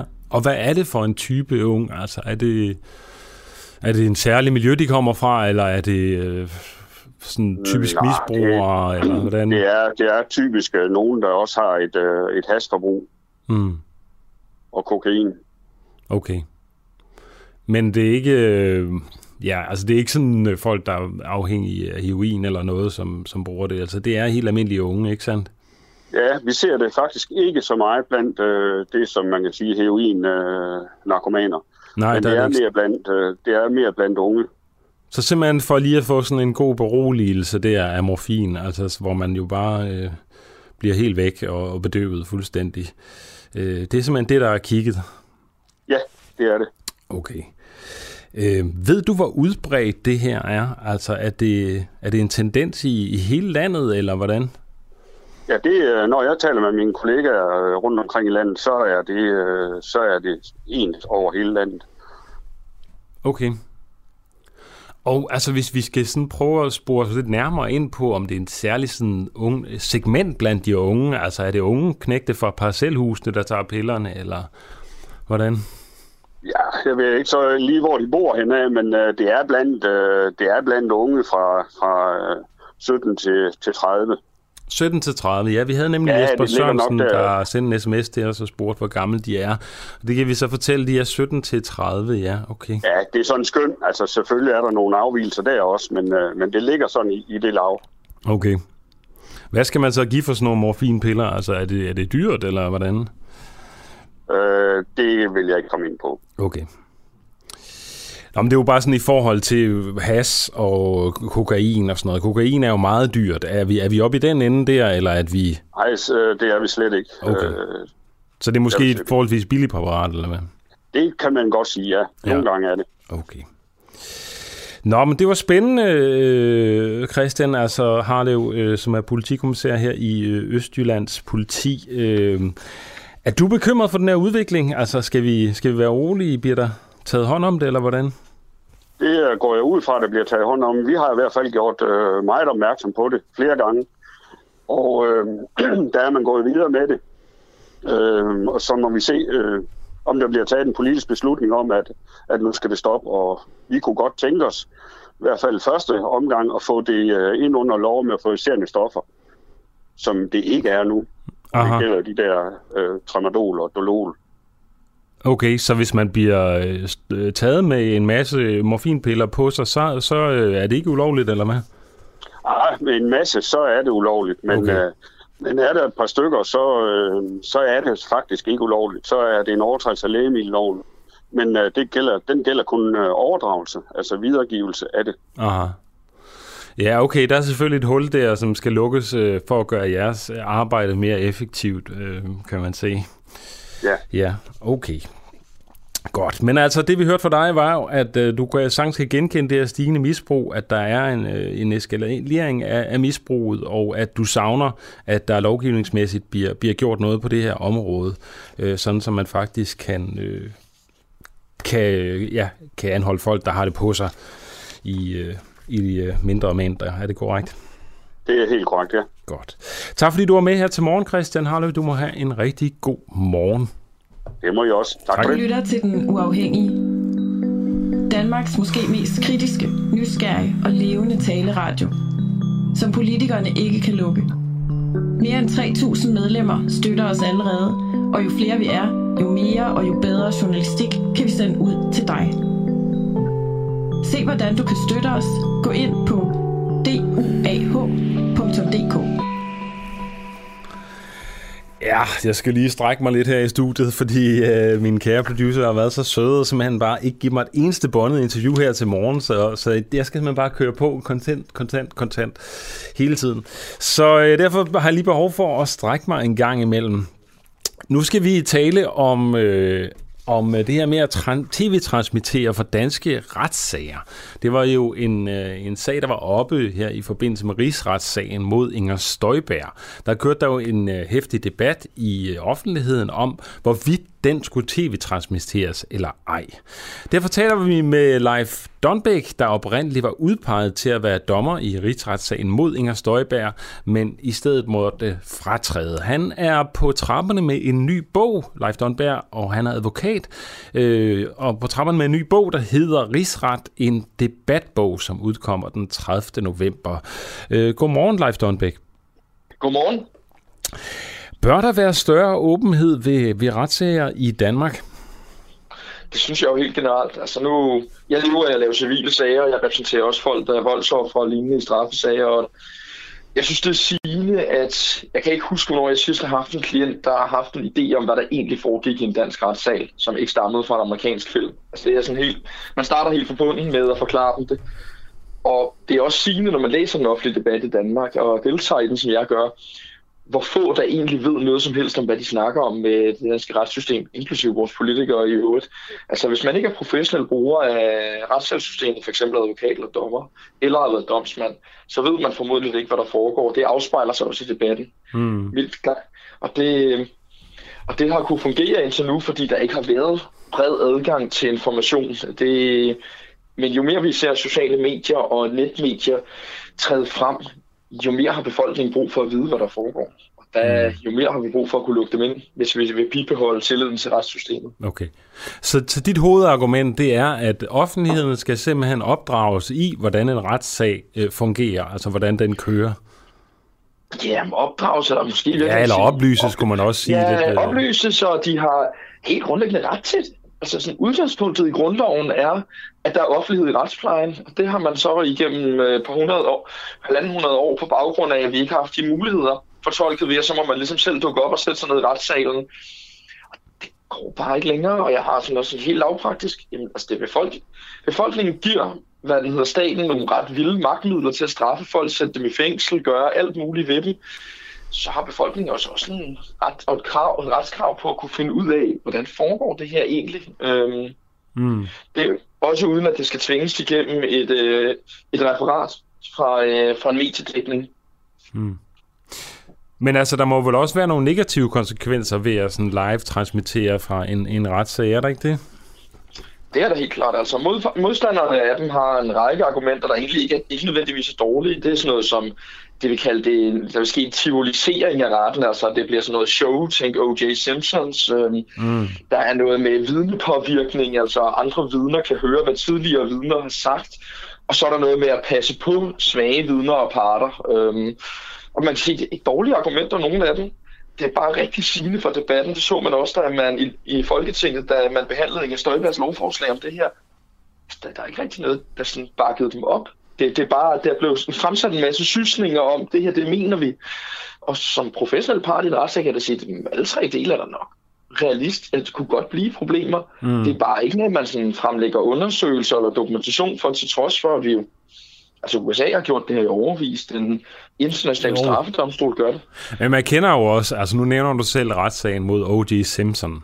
Øh, og det var jo, den så jeg i hvert fald en dokumentar om den retssag. Og der kan man sige, der, øh, altså, der skete jo virkelig en teologisering altså af, af retssagen, hvor, hvor, øh, hvor medierne og befolkningen i høj grad var involveret i hver eneste skridt i den her retssag. Og det påvirkede jo også meget øh, stemningen i, i, øh, i retslokalet, ikke sandt? Altså. Det gjorde det jo nok, men altså, kig på Inger Støjberg lige nu. Mm. Altså, er der en specielt mindre medie? Altså, kunne du forestille dig, at man kunne have en, en vildere mediedækning, end det, der foregår lige nu? Ja, det kunne jeg sagtens. Altså, det er jo ikke O.J. Simpson. Øh, og, og, øh, Men, men, men for dansk niveau, altså, Ja. eller for den sags skyld øh, ubådssagen, øh, altså, der, der, kunne, der, var, der var jo ikke et eneste vidneudsagn der, der ikke gav en øh, forsidehistorie dagen efter, eller lignende. Altså, mm. det, det er jeg helt op at sætte. De her store sager bliver ekstremt eksponeret, fuldstændig ligegyldigt, hvordan vi gør det. Udfordringen er så bare, og det var netop også er så bare, om man har adgang til korrekt information, eller man har adgang til filtreret information, der ofte ikke nødvendigvis er, er specielt præcis. Men det, det er sagt, altså jeg tænker ikke at smide øh, tv-kamera. Man kunne gøre det på, på mange måder. Øh, Inger Støjberg havde faktisk et ikke helt dårligt forslag, da hun lavede et ændringsforslag til loven, hvor hun sagde, at alle vidner og parter skulle have ret til at sige, jeg har sådan set ikke lyst til at blive filmet, øhm, og så var det ren lydtransmission, der foregik for eksempel, hvis det var det, man havde lyst til. Man kunne også lave det en smule for skudt, sådan at, øh, at det ikke påvirkede. Altså, der, der er mange muligheder for at lave det her på en måde, hvor det godt kunne virke. Danmarks, altså, de har jo selv vist det fra Danmarks Radios side af med det der program Retten Indefra, der var et fremragende program om øh, en programserie om en række retssager ved retten i Roskilde. Øhm, og der så man vidner og parter og afhøringer og det hele. Jeg tror ikke, jeg, jeg har ikke hørt den eneste kritiker af det program nogensinde. Nej. Øhm, Men det var måske heller ikke det mest spektakulære øh, retssager. Altså man kunne forestille sig, at det er noget andet, hvis det er Inger Støjbergs rigsretssag for eksempel. Mm. Øh, men du nævner også selv, der er det her med at beskytte vidnerne. Altså der er vel nogle vidner, som ikke har lyst til at blive øh, filmet eller blive hørt ja. i radioen eller noget. Altså det er der helt med god grund. Det Altså hvis du nu ja. har været ude og udpege nogle rocker eller et eller andet, så har du ikke lyst til at sidde og, og vist frem på åben skærm. Helt klart. Og det, det er et fremragende argument. Altså, vi, vi ved ikke, om det er et reelt argument, fordi vi har ikke rigtig undersøgt det overhovedet. Men jeg vil sige, at min mavefornemmelse er, at det er et rigtig godt argument. Jeg, sidder, jeg repræsenterer som, som sagt selv voldsoffer, og der er, det her med at skulle i retten er en, er en voldsom ting at skulle ind og vidne. Altså, om det er din, din egen sag eller andres, det jeg tror aldrig, jeg har haft et vidne med i retten, som ikke har været øh, rystende angst før de satte sig, og bagefter har betegnet det som en både rar, men også enormt hård oplevelse at sidde i vidnesbranchen. Men Øhm. risikerer man så ikke, at der er nogle vidner, der springer fra? Altså hvis, altså hvis jeg skulle i hvert fald ikke nyde noget af at gå ind og, og vidne mod en eller anden bande. Så man kan sige, at jeg snakker igen, man kan jo gøre det her på rigtig mange måder. Og jeg tror, altså man kan sige, hvis du skulle vidne mod en rocker, så vil dørene formodentlig blive lukket i forvejen allerede, som vi har det i dag. Øh, du vil jo stadig være underlagt god presseskik, også for videreformidlingen, som øh, hvis du havde adgang til de her transmissioner. Altså, hvis du, øh, vil du i dag som journalist dække for eksempel en, der navngivet sad og udpeget LTF, det vil du ikke have adgang til. Det vil formodentlig være strid med god presseskik, og i øvrigt vil dørene formodentlig være lukket. Mm. Det vil jo ikke være anderledes. Øhm, Og når du siger, at dørene er lukket, så, så er det fordi, man ikke må, må øh, filme derinde. Altså det må man jo i forvejen Ja. ikke, eller hvad? Lige præcis, ikke må transmittere. Altså tværtimod tænker jeg, altså skulle man gøre noget i den her stil her, så skulle man netop også stramme op og kigge en hel del på, hvad er god presseskik så i den her forbindelse og også. Det vil være, altså det er jo ikke noget, man gør fra dag til dag om et, øh, med lovforslag, men jeg synes det, øh, og det er heller ikke noget, man nødvendigvis alle sager vil egne sig til. Men jeg synes, det er synd, at vi generelt afskærer befolkningen for at få indblik i retten, når vi faktisk ved, for for eksempel fra retten indenfra, at det kan gøres på en fornuftig og rigtig, rigtig super måde, og man Jo, jo, men der er vel, ikke, der er vel nogle medier, som ligesom vil... Altså, som ikke altid overholder den gode presseskisik, som ligesom vil bruge det til noget sensationelt på en eller anden måde, ikke? Ja, måske, men altså, jeg, jeg er usikker på, hvordan det ændrer, hvad der foregår i forvejen. Altså, det, hvor- hvordan, det, er- hvordan, hvordan det sådan helt præcist er anderledes. Man kan så igen også overveje, hvad er det for nogle sager, der vejer sig til det her. Jeg er helt enig. Altså, en... Øh, Altså øh, voldsom voldsager, voldtægtssager, sædelighedssager og lignende vil formodentlig ikke egne sig særlig godt til det. Altså, men man kan sige sådan en som rigsretssagen med Inger Støjberg. Altså, hvad er det for nogle vidner, der har et beskyttelseshensyn der? Vi snakker om øh, nogle af de mest magtfulde embedsmænd i, øh, Klart. i Danmark, og så en række ministre og folketingspolitikere og lignende. Så hvad er det egentlig for et beskyttelseshensyn, de har øh, for at kunne stå på mål for deres beslutninger? Mm. Og, men, men ingen tvivl, man vil skulle gøre det her på en måde, hvor at, øh, man tog meget klar stilling til, hvem er det. Mm. Men igen også måske fandt noget, opsøgt noget viden. Igen, du får det her til at virke mange steder i verden. Så, så måske er det noget med at sige, at altså, der er visse sager, hvor man så ikke skal, skal live-transmittere fra. Er, er det det, der øh, måske kan være løsningen? Ja, og så man kan sige, det er sådan som, sådan som det er i dag, der er det jo, øh, der har retten ikke adgang til at, til at øh, live-transmittere. Der er dog nok adgang til at live-blogge, men man kunne sagtens lave en række øh, sige, som øh, at det er sket på anmodning. Altså, det vil sige, at øh, fuldstændig som det er i dag med genrebilleder og liveblogging og lignende, jamen, så anmoder pressen i god, ro- god tid, og så, og så må man se på, om det kan gøres, og hvis man så gør det, så gør man det via for eksempel ret domstolens eget system, også sådan, at vi slipper for det her med at have jeg kan godt se ideen for mig, der lige pludselig står 200 kameraer og peger på vidnesgangen. Det kunne skabe en, en smule uro i retssalen. Mm. Vi har fået en sms her fra en lytter, der hedder Karsten, der spørger, om øh, du har noget evidens for, at det er bedre at have tv-transmitterede retssager. Øh, det lyder som om, at du taler ud fra en mavefornemmelse, mener han. Hvad siger du til det? Evidens for hvad? Altså det, Ja, det handler det om, at hvor, altså befolkningen har ret til at vide, hvad der foregår i et retssystem. Det, det er ikke... Og udgangspunktet i grundloven er offentlighed. Tværtimod vil jeg jo sige, at det må være den anden vej rundt. Det må være dem, der vil afvise grundlovens udgangspunkt, der har bevisbyrden for, at det her det er dårligt, og det her det er skidt. Øhm, Mm. Og de har på nuværende tidspunkt ikke gjort andet end at fremkomme med synsninger, øhm, uden nogen form for evidens. Men altså, man kan sige, om jeg har evidens for, at, at offentlighed er, er godt, det, det synes jeg jo egentlig, Danmark er et ret godt eksempel på, at det der med, at øh, jo mere befolkningen ved om, hvad der foregår, jo bedre er det som udgangspunkt. Ja, det kan man sige. Det er et godt argument, faktisk. Du var jo udpeget til at være dommer i rigsretssagen mod Inger Støjberg, men måtte øh, fratræde. Hvorfor egentlig det? Der var, øh, jeg var det, der hedder dommer 14 af de øh, politisk udpegede. Vi blev udpeget efter sådan en nummerrækkefølge, efter hvor store partierne er, den, sådan nogle, den type ting. Øhm, og der var simpelthen to højesteretsdommere, der var inhabile på grund af, at de havde for, for nære personlige relationer til, øh, hvad hedder det, nogle af sagens parter. Og så, øh, så er det sådan, der skal være lighed mellem antallet af juridiske og politiske dommere. Så vi var to politiske dommere, der blev skåret fra, fordi der er ikke nogen vikar for højesteret. De er ikke så mange. Okay. Øh, I dag er det jo allerede muligt at tillade direkte tv-transmission for retssager, hvis der er en god grund til det. Øh, I praksis der er det dog sjældent af hensyn til blandt andet vidner. Øh, er det ikke nok så i virkeligheden? Det er, det, jo ikke, det er jo ikke helt rigtigt. Det var okay. det. Justitsministeriet troede, og det som øh, Dommerforeningen også troede, men altså, hvor Rigsretten har jo sagt meget klart, og de har jo fuldstændig ret, der står direkte i øh, den lov, da man ændrede reglerne i 1999 efter sådan større pressearbejde, eller større arbejde sammen med pressen om offentlighed i retsplejen, at det eneste, man som udgangspunkt, altså det eneste, ikke bare som udgangspunkt, det eneste, der forudsættes, man kan give tilladelse til, det, det der hedder genrebilleder, det vil sige, man går ind og tager lidt billeder af, der er pænt i retten, og så domsoplæsningen. I visse meget, meget, meget sjældne tilfælde har man givet adgang til at se forsvar og anklagers procedurer. Øh, der er en enkelt sag i trygt i praksis om det, så vil jeg lige umiddelbart kunne finde.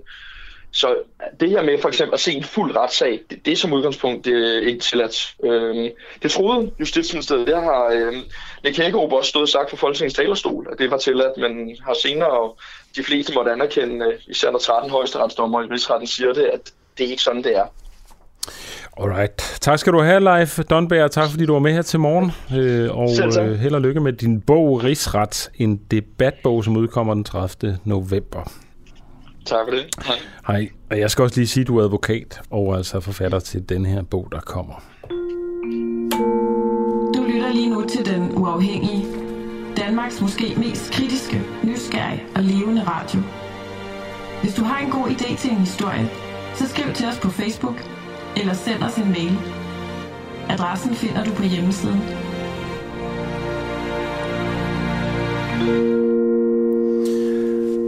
Smitten med øh, coronavirus på plejehjem er faldet markant. Det er en af overskrifterne på dagens nyheder. Efter en opblussen af coronasmitte på plejehjem i august og september, er smitten nu gået markant ned. I sidste uge blev der registreret tre smittetilfælde, viser tal fra Statens Serum Institut. Det blev samtidig registreret tre dødsfald, hvor personer var smittet med coronavirus. Det er mere end en halvering af antallet i september. I september begyndte man at give plejehjemsbeboere et tredje stik med en coronavaccine. Smitten på plejehjem toppede i december sidste år og i januar i år, hvor der var flere, hvor der i flere uger øh, med 400-500 smittetilfælde og omkring 100 dødsfald, det skriver Ritzau. Mens det går godt i Danmark med øh, coronasmitten, så går det værre i US eller i Rusland, undskyld. Ruslands regering er nu klar til en ny lockdown. Flere end 1000 coronarelaterede dødsfald på bare et døgn er blevet for meget for den russiske regering, der nu er klar til at indføre nye restriktioner. Derfor foreslår regeringen en ny lockdown efter de såkaldte ikke-arbejdsdage, som det kaldes, i perioden fra den 30. oktober til den 7. november. Coronatallene i Rusland er kun nærmest gået en vej de seneste måneder, men for Kreml har man hele tiden tøvet med at indføre en lockdown i hele landet og lade det være op til de enkelte regioner at få nedbragt smitten og dødstallene. Kun omkring 45 procent af den russiske befolkning er vaccineret eller tidligere smittet, og det seneste døgn er der registreret 1015 dødsfald som følge af covid. Det hidtil højeste antal. Ja, man har jo virkelig haft problemer med at få den russiske befolkning vaccineret. Man har endda prøvet at lave øh, tilbud om, at man kunne vinde en bil øh, og alt muligt, hvis man lå sig vaccinere. Men det har åbenbart ikke været nok. Altså, det er kun 45 procent, som sagt, af den russiske befolkning, der er blevet vaccineret eller har været tidligere smittet. Du lytter til Den Uafhængige. Danmarks måske mest kritiske, nysgerrige og levende taleradio som politikerne ikke kan lukke. Mere end 3.000 medlemmer støtter os allerede, og jo flere vi er, jo mere og jo bedre journalistik kan vi sende ud til dig. Se hvordan du kan støtte os. Gå ind på duah.dk. Ja, nu skal vi til Færøerne, som jo er en del af det danske rigsfællesskab, og som man derfor burde tænke havde den samme lov omkring abort som i Danmark. Men det har man altså ikke. Den har ikke ændret sig siden 1956. I dag er det kun muligt at få en abort på Færøerne, hvis man er blevet voldtaget, altså og hvis voldtægtsmanden altså er blevet sigtet, vel og mærket, for man kan jo godt blive, blive voldtaget, uden at øh, det bliver opdaget, eller at, at voldtægtsmanden bliver straffet. Øh, det er en af årsagerne. En anden skal være, at kvindens helbred er alvorligt truet, eller der er stor risiko for alvorlige arvelige sygdomme. Men her for nylig er der øh, sket en lidt opblussen af debatten, øh, og øh, den er begyndt at udvikle sig, og tilhængere af en mere fri abortpolitik er begyndt at blive mere aktiv. Godmorgen, øh, Katrin øh, Kalsberg. Du er overlæge på gynækologisk afdeling for Landssygehuset i Torshavn. Ja, det er korrekt. Godmorgen. Godmorgen. Er der udsigt til fri abort på Færøerne, eller er det noget, der går lang tid før det bliver realiseret? Jeg tror, der kommer til at gå lidt tid. Men jeg vil lige tilføje, at der, der var en rimelig vigtig grund også til at kunne få abort på Færøerne, som ikke blev nemt. Og det var det, hvis der er par for, for kvindens helbred eller truende forværing i også i social tilstand. Så der er, der, der er enkelte til, enkelte andre ting også. Der ja, jeg sagde også det her med, hvis kvindens øh, helbred var alvorligt truet. Og det sociale. Det og det sociale, og det er så, hvis man er dømt ja. uegnet til at være mor, ikke sandt? Øh, nej, det behøver man ikke at være. Okay. Det kan være, at man er i en social uh, situation, som bliver forværret ved at skulle få yderligere et barn, eller ved at skulle få et barn. Hvad kunne det være som eksempel? Ja, der kan være sådan en sammenfald af mange ting, men det kan også være noget med, med menneskelige boligforhold og forskellige ting kombineret. Så det behøver ikke at være sådan, at man skal være dømt uegnet til at Nej. være mor. Okay. Men hvem, hvem skal så Men, vurdere det her? Ja, okay. Ja, det, som, som i de fleste tilfælde der, så er det jo, øh, altså, at man skal have en abort på færre, eller hvis man er i den situation, man overvejer, om det skulle, det er løsningen, så er det altid via ens egen praktiserende læge, okay. eller som vi kalder det heroppe, kommunelægen. Okay. Så det er via kommunelæge, før man kommer ind til til hospitalet. Alright, men lad os zoome ud igen. Hvem er det, der ja. gerne vil have en, en mere fri abortpolitik på Færøerne? Øh, ja, altså det, det er et godt spørgsmål, hvem det er, men dem, der ligesom, øh, der, der ligesom er dem, der skaber billedet ud af sig, hvem det er, det er typisk de yngre kvinder.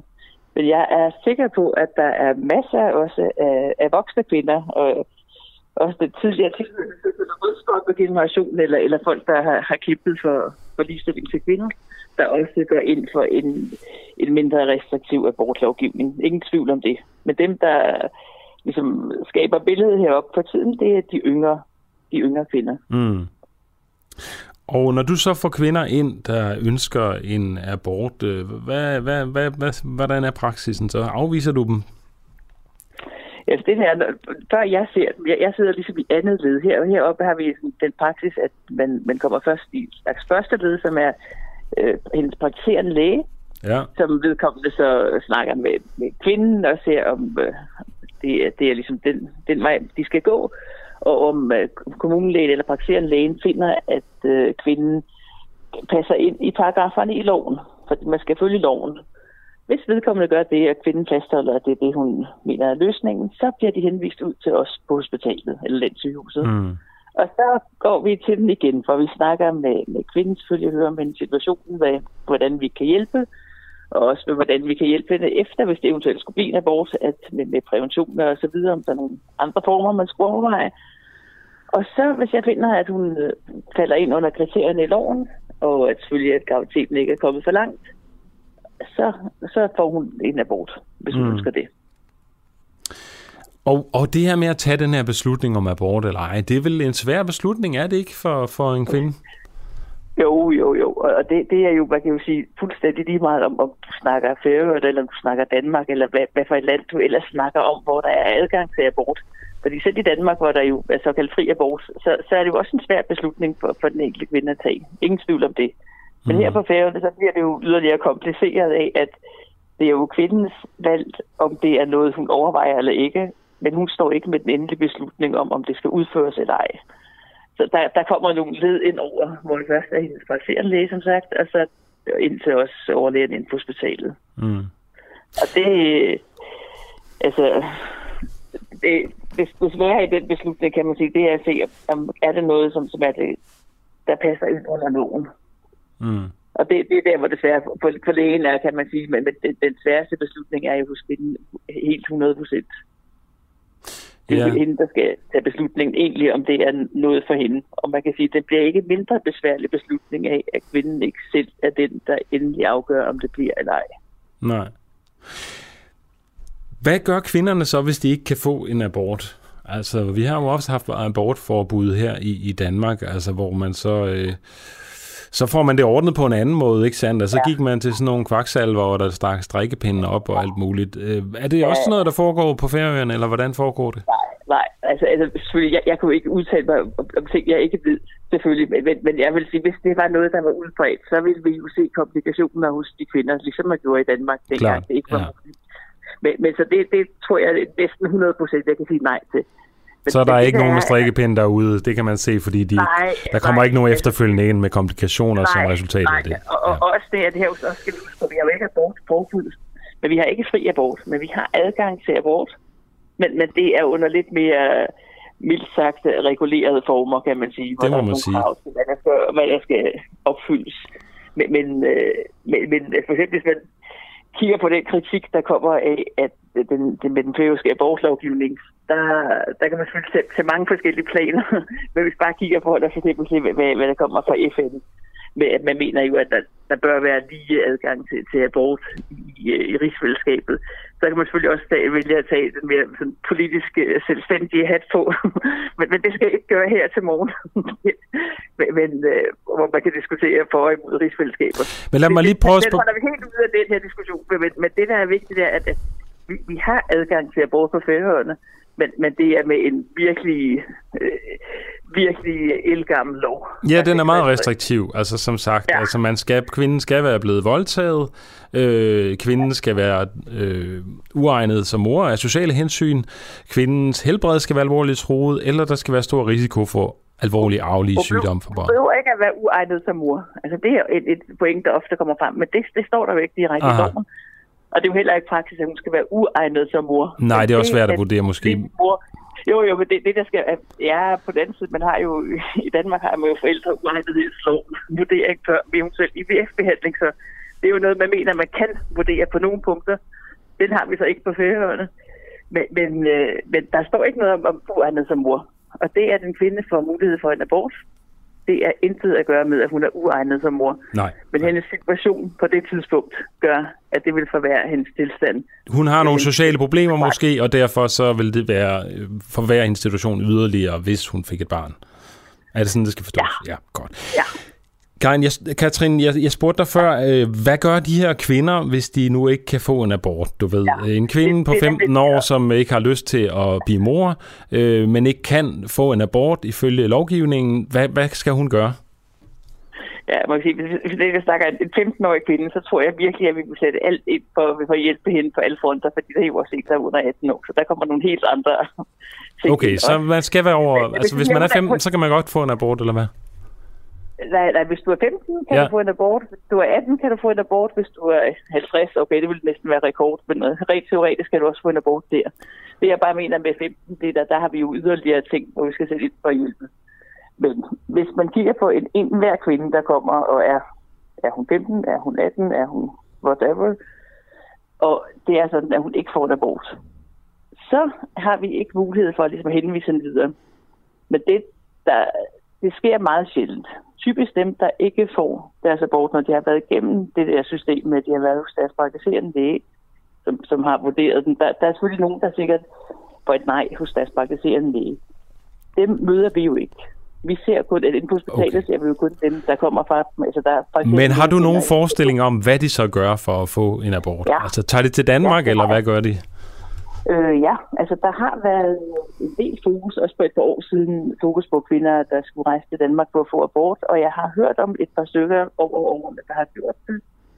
Og de få af dem, som jeg så har mødt, der har i hvert fald en af dem, hun, hun berettede, at grunden til, at hun øh, tog til Danmark, det var, at hun gad ikke det her med at skulle overveje abort på færøerne, fordi der er så små forhold. Hun kendte nogen, der arbejdede på sygehuset, og hun havde ikke lyst til det, så hun tog til Danmark.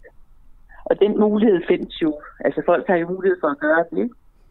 Og det er jo også derfor, det er sådan lidt øh, på en eller anden måde dobbeltmoralsk, synes jeg, hvis nogle færøske politikere går ud og siger, at, at vi skal, nej, vi skal stramme vores abortlovgivning, vi skal ikke have abort på færøerne.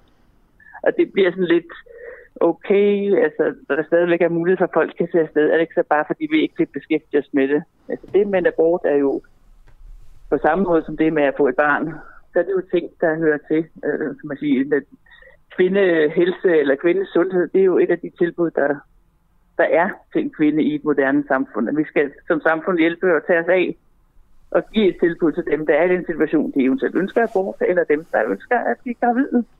Vi hjælper jo folk i den situation. Så selvfølgelig skal vi have mulighed for abort på færøerne, det siger sig selv. Og det har vi også, men vi har den meget restriktivt. Det lyder meget restriktivt, men altså, jeg, jeg fik ikke ja. helt forstået, hvor, hvor restriktivt. Hvis man nu kommer af skolepige for 15 år, øh, har haft øh, seksuelt samvær med sin kæreste og er blevet gravid, øh, og det er virkelig upassende, kan man så få en abort? Ja, hvis, hvis kommunelægen, hvis de tager til det, eller praktiserende læge, hvis ikke kommunelæge beklager, hvis de tager til deres praktiserende læge, og vedkommende finder, at der kan være grund til, at, at, at hun passer ind under loven. Og hvad skulle det det være for nogle grunde til, at hun kunne få en abort så? Ja, der kan være flere forskellige, men det kan for eksempel være, at det er 15-årige, der er man jo meget ung. Jeg har også dem, der, der føder børn som 15-årige, men det er jo måske ikke det helt optimale. Men er det nok, at du er 15 år, kunne jeg spørge? Det er ikke nok, at du er 15 år, for er du 15 år, så kan det godt være, at du ønsker at, være, at få dit barn. Er du 15 år, og du ikke ønsker at få dit barn, du er stresset over situationen, du synes, det her det er virkelig forfærdeligt, hvordan med skole, og det går slet ikke, og man kan slet ikke overskue det, og så videre. Så kan det være en grund. Og, og det, er, det, er det nok så? Ja, hvis kommunen finder det, eller friserende lægen finder det er nok, og sender ind til os, og vi snakker med, med, med damen eller pigen, og også hendes forældre selvfølgelig, hvis der er nogen, der altså forældre eller, eller værre, hvem der er med, og de også er med på det, og det er ønsket for den kvinde, at det er det, hun vil, så er, skulle det være nok, ja. Så, så okay, så, så for at forstå det, så hvis, hvis der kommer en 15-årig kvinde, som er velfungerende, øh, har det godt, og det hele er blevet gravid, men ikke ønsker at, at have barnet, så kan hun godt få en abort. Hvis hun Men ligesom det er, siger... Det, så, Ja, hvis det er sådan, at det presser hendes situation meget. Hvis det virkelig er noget, der Men, gør, det men det gå selvfølgelig presser vel altid at få et barn, øh, når man er 15 år og skal passe sin skole og sådan noget. Øh, det skulle man tro, ja. Det skulle man tro, men det er ikke alle, der oplever det sådan. Der er mange, der synes, det er skønt. Eller ikke mange, men der er nogen, der oplever det som skønt. Så hvis Men jeg kommer der er- øh, som 15-årig pige og siger, jamen jeg, det presser mig lidt øh, at få, øh, at, altså det presser mig at skulle blive mor nu som 15-årig. Øh, kan jeg så få en abort? Øh, det er vanskeligt at kunne sige 100 procent, fordi at det er altid en individuel vurdering. Og hvis man tager til hendes kommune eller til en praktiserende læge, så kender han jo hende. Han ved, hvordan det står til os med både socialt og hendes psykiske og alle de forskellige ting. Og så er der absolut mulighed for, at han vil finde, at hun passer ind under loven. Okay, Men der er jo også en anden mulighed, at han siger, nej, det er, det er fint, du er ung og frisk Ja. og rask og så videre. Så, så, og det, er det, det, det, der er Det, det kan jeg åbenbart ikke få et helt klart svar på, øh, Christian. Det, det er okay, det er så en individuel det vurdering. Må jeg det spørge det, der- dig det er det, der personligt, må jeg spørge dig personligt, hvad er din holdning til abort? Altså, synes du, der skulle være fri abort på, øh, på færøerne? Øh, fri. Altså, jeg synes, at det skulle være sådan, at kvinden er den endelige afgørelse. Men jeg synes det, at man siger, at det er fri abort, og ligesom bare overlader alt ansvar til kvinden. Jeg synes, vi som samfund, egentlig også som man gør i Danmark, skal træde karakter og give et tilbud om, at folk de får, de bliver taget hånd om.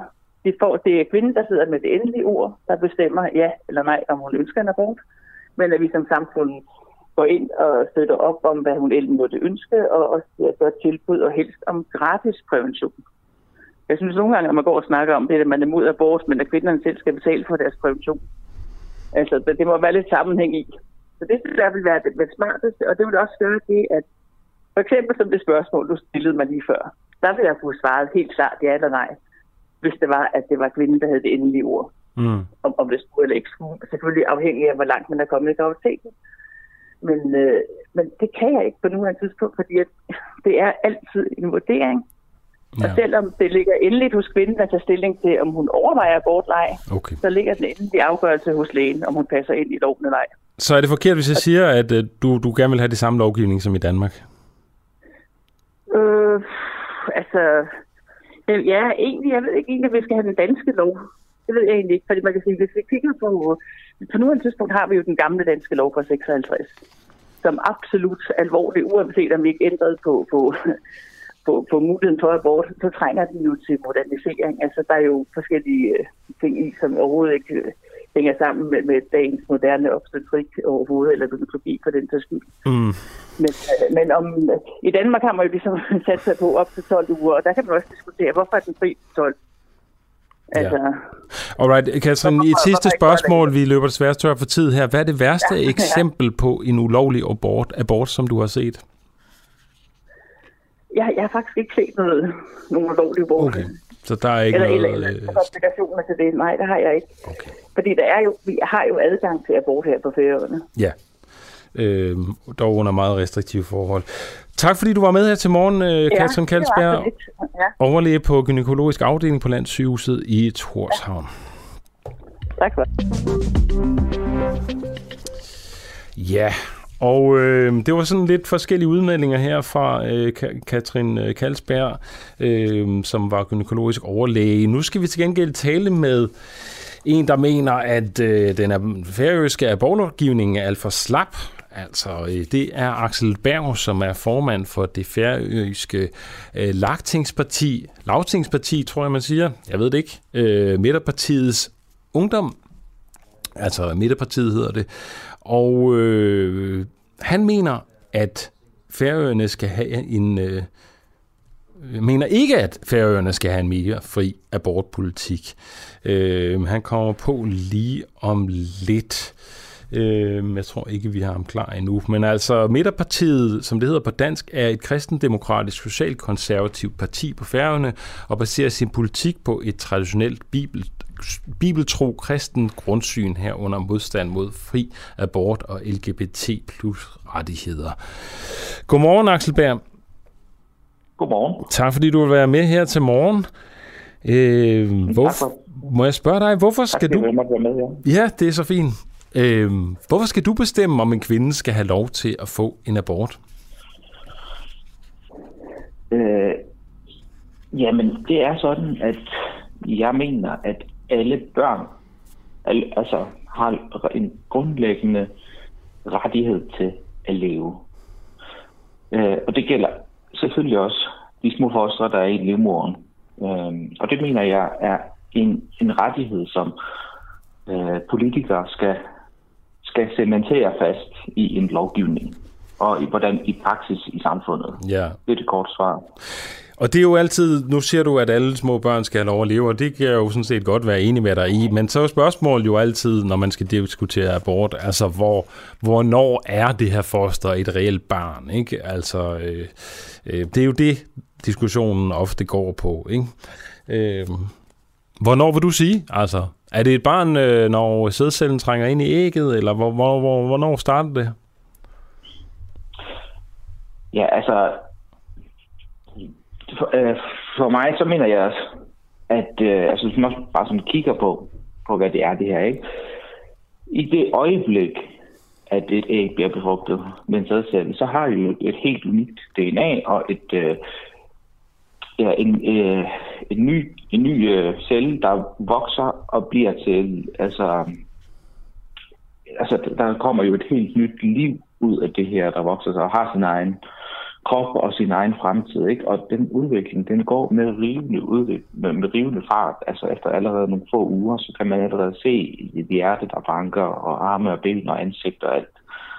Så jeg synes ikke, man kan sætte nogle grænser på. Jeg synes heller ikke, den her 12 eller 16 års grænse, altså vi har 16 år på Færøerne og 12 år i Danmark, at man kan sige om efter det, så er det liv eller ikke. Så jeg synes, at det bliver sådan arbitrært at argumentere for, at hvor en grænse skal være. Så jeg synes, det eneste rigtige, det er at sige, at det er i starten.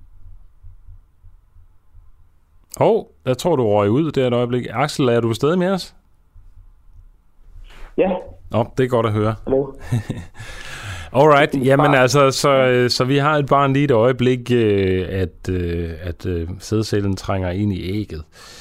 Kan man gå længere tilbage? Altså, hvad med ægget, eller hvad med sædcellen i sig selv? Er det ikke også en form for liv?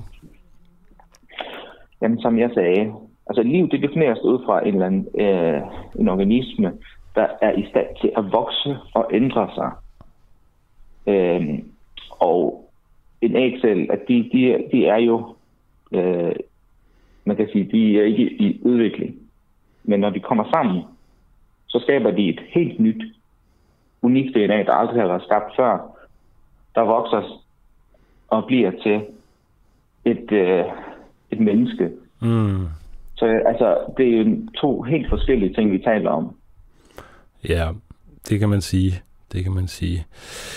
Øhm, har det noget med Bibelen at gøre, dit syn på det her? Nej, det synes jeg ikke, det har. Altså, jeg synes, det er, er bare logik. Når man kigger på det med altså, øh, den biologiske vinkel, man kan se, hvor ekstremt hurtigt sådan et, øh, et lille foster udvikler sig. Og jeg synes heller ikke, det behøves at være bibelsk, at man mener, at alle mennesker har ret til at leve. Jeg synes, det er bare altså, et generelt syn, som vi alle sammen burde have som samfund. Mm. Ja. Nu siger du, at et foster bliver til, til, et, til et liv på et eller andet tidspunkt, eller bliver til et menneske på et eller andet tidspunkt. Kunne man ikke også som pædofil så sige, jamen okay, jeg kan godt være sammen med børn, fordi de bliver voksne på et eller andet tidspunkt? Altså, det argument har jeg slet ikke lyst til at svare på. Ej, okay, det var også lidt en joke, men, men, men bare for at sige, altså, at tingene udvikler sig jo hele tiden. Altså, det der er jo argumentet, hovedargumentet mod øh, abortmodstandere er jo, altså, at de her aborter kommer til at ske alligevel. Altså, så bliver de bare illegale aborter. Øh, folk fra Færøerne tager til Danmark og får en abort i stedet for.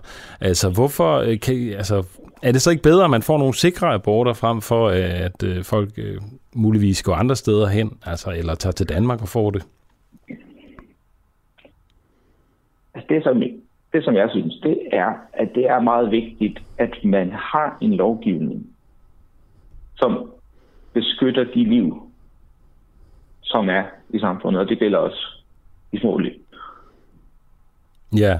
Øhm, så man skal, sætte, så man, skal, man skal spørge sig om generelt, er det forkert, eller er det, er det okay, at man tager en abort? Og når vi mener, at det er forkert, så så skal det også reflekteres i loven. Så, kan man ikke, så synes jeg ikke, det er særlig moralsk, at man kan få udført en abort. Og så kan man diskutere, oh ja, hvad sker der så og ikke.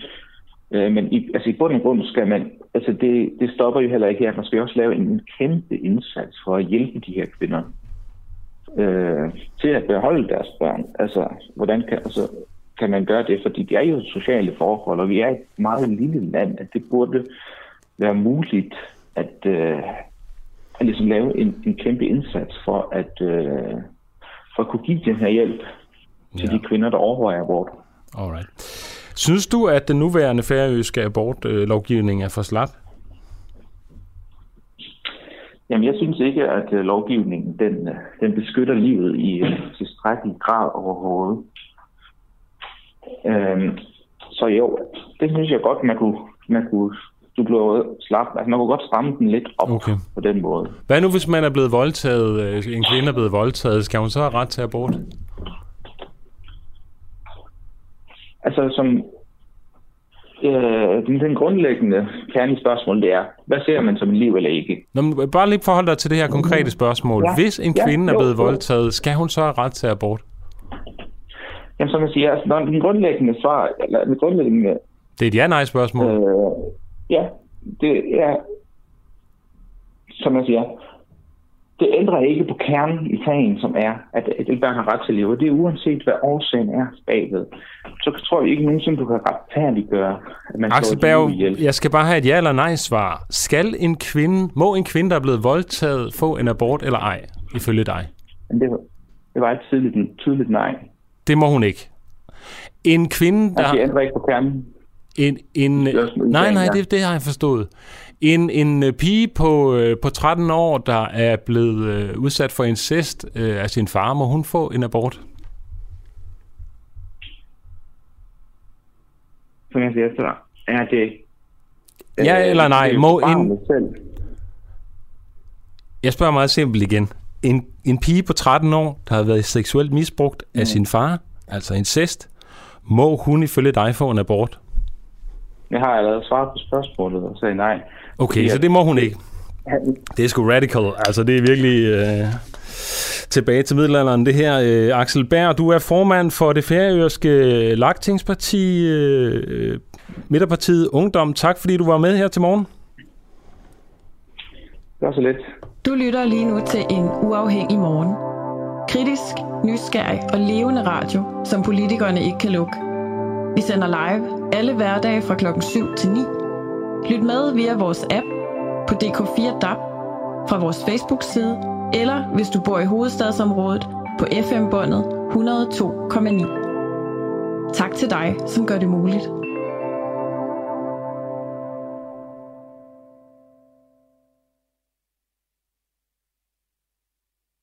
Ah, sådan, så er der hul igennem til mig igen. Tak for det, Nikolaj, som lige kom løbende ind og reddede mig her med lyden. Ja, vi øh, sender fortsat her på den her uafhængige morgen, og hvis du har en holdning til noget af det, du hører, hvis du synes, at øh, jeg er for slap i mine spørgsmål, eller synes, det er godt, eller har et spørgsmål til nogle af vores kilder, så kan du sende en sms til mig på 1245, hvor du skriver DUAH mellemrum og indholdet af din besked. Du kan også blive medlem og støtte det her gode initiativ ved at sende en øh, sms afsted til 1245, hvor du bare skriver UA, så får du et link tilbage og kan støtte det her, øh, den her radio, som jo ikke får støtte fra staten på nogen måder, sådan, så der heller ikke er nogen, der kan lukke os, hvis vi går over stregen. Det koster 39 kroner om måneden at blive medlem, og øh, det øh, man kan også betale 349 for et helt år, så får man lidt rabat der. Øhm, og så bliver man simpelthen medlem af Den Uafhængige og får adgang til vores redaktionslokale, hvor man kan øh, komme med tips og historier, vi skal tage op. Der er rigtig mange af de historier, som vi øh, sender om her, øh, tager op her om morgenen, som også rent faktisk kommer fra det her redaktionslokale. Og hvis du har en holdning til øh, abortspørgsmålet, jamen så kan du også skrive en sms til os på 1245. Jeg kan fortælle, at der udføres omkring øh, 15.000 planlagte aborter om året i Danmark. Niveauet er det laveste siden legaliseringen af abort i 1973. Så øh, Altså, det går godt i forhold til, til det her. Øhm, vi skulle nu til at tale med, øh, med Janne Jørgensen, medlem af Retsudvalget for Venstre, for at høre hans take på det her med at tv-transmittere for danske øh, retssager, men øh, han er ude, lyder det ud fra teknikken af, så vi prøver en øh, anden kilde i stedet for. Du lytter til Den Uafhængige. Danmarks måske mest kritiske, nysgerrige og levende taleradio, som politikerne ikke kan lukke. Mere end 3.000 medlemmer støtter os allerede, og jo flere vi er, jo mere og jo bedre journalistik kan vi sende ud til dig. Se hvordan du kan støtte os. Gå ind på duah.dk. Skal du ikke lige konfirmeres først? Tag lige tilbage til folkeskolen. Du ligner et barn. Få dig noget livserfaring. Overstående er eksempler på nogle af de håndlige og chikanerende kommentarer, som flere unge kommunalpolitikere må lægge øre til. Det viser en rundspørg, som DR har lavet blandt de 57 nyværende byråder, der var under øh, 25 år ved sidste kommunalvalg. 22 af dem svarer, at de har haft ubehagelige oplevelser på grund af deres alder. Hos Dansk Ungdoms Fællesråd påpeger man, at unge i forvejen er underrepræsenteret i kommunalpolitik, og at de ubehagelige kommentarer kan føre til, at endnu færre unge fremover vælger at engagere sig i politik. Når unge, som rent faktisk stiller op og bliver valgt, oplever de her ubehagelige ting, risikerer vi, at den her underrepræsentation bliver endnu større, siger formand Chris Borup Preuss til DR. Så altså, jeg derude, vær søde ved de unge øh, kommunalpolitikere og, øh, og øh, bevare en ordentlig tone på Facebook, når I skriver der. Det er vi alle bedst tjent med. Vi havde jo også en historie i sidste uge, hvor vi talte med en kommunal, ung kommunalpolitiker, som faktisk havde fået dødstrusler. Så ja, det er hårde tider derude. Nu skal vi til noget andet. Vi skal tale med øh, Christina Thorholm, medlem af Folketinget for øh, ligestillingsudvalg, Folketingets ligestillingsudvalg for de radikale. Godmorgen, Christina. Godmorgen. Skal vi have kvindekvoter i erhvervslivet, eller kønskvoter, kunne man også sige? Ja, det har vi stillet et forslag om, og det er jeg rigtig glad for. Det har vi har i mange år haft en anden indstilling til, om der skulle være kvoter, fordi vi tænkte, at det kom af sig selv. Men øh, nu øh, kan vi se, at vi rasler ned af øh, ranglisten, når vi sammenligner os med andre lande, og derfor så tager vi konsekvensen og ønsker at fremstille et forslag om at have kvindekvoter yeah. i børsnoterede selskaber. Kun i børsnoterede selskaber, eller er det i, i hele erhvervslivet, eller hvordan? Det er i første omgang i børsnoterede, eller oplægget er i børsnoterede selskaber. Okay. Og hvordan ser det ud i de børsnoterede selskaber med andelen af kvinder i, i bestyrelserne der? Jamen, det er jo under en fjerdedel af, af bestyrelserne, der er, er, er kvinder repræsenteret. Og der er mange bestyrelser, der jo ja, netop slet ikke er nogen. Fordi nogle af dem, der har taget den kultur til sig, så er der jo flere. Så, så på den måde så er der rigtig mange bestyrelser. Det er fortsat, som, hvor der ikke er kvinder i. Ja.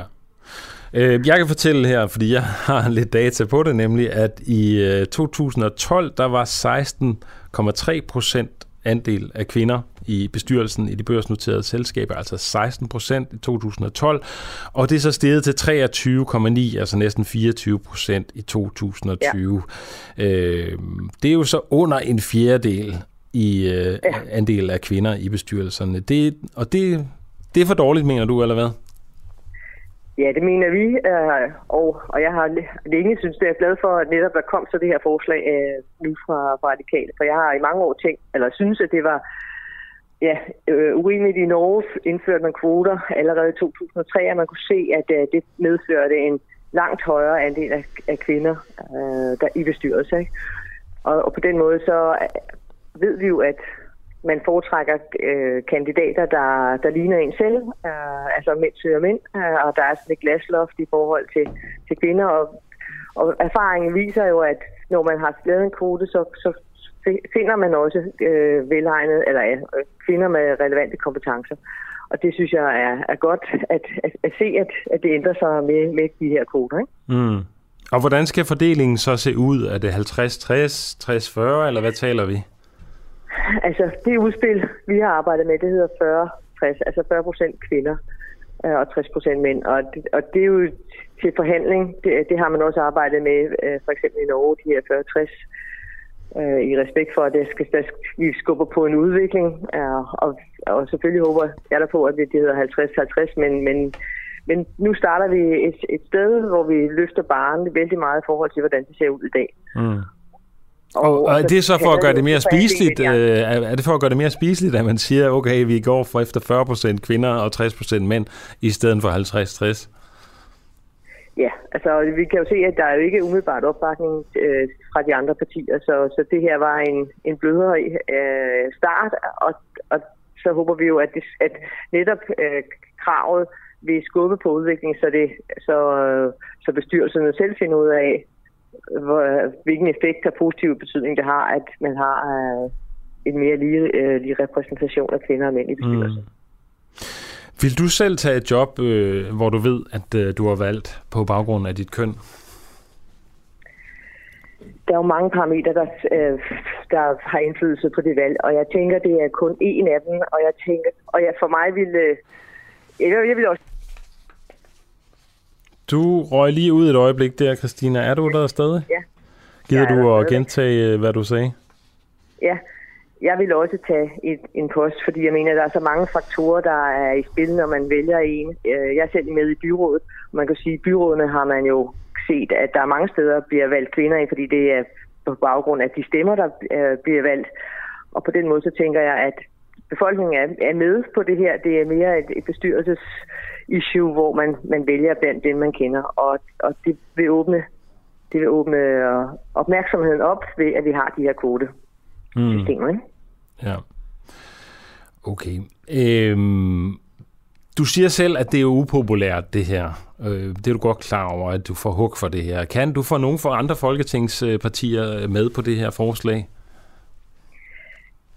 Altså, vi, vi skal have dialogerne med, med de andre partier, og jeg, jeg tænker, at vi er informeret om, hvordan og hvordan det ser ud, at, og om hvor langt vi er bagud i forhold til, til andre lande, og hvor mange, der faktisk har indført de her kvoter. Det vil, vil motivere, håber jeg på, vil motivere nogle af de andre partier til at sige, at det her er et godt forslag, fordi det kræver jo de 90 øh, mandater bag, at, at det kan blive til noget.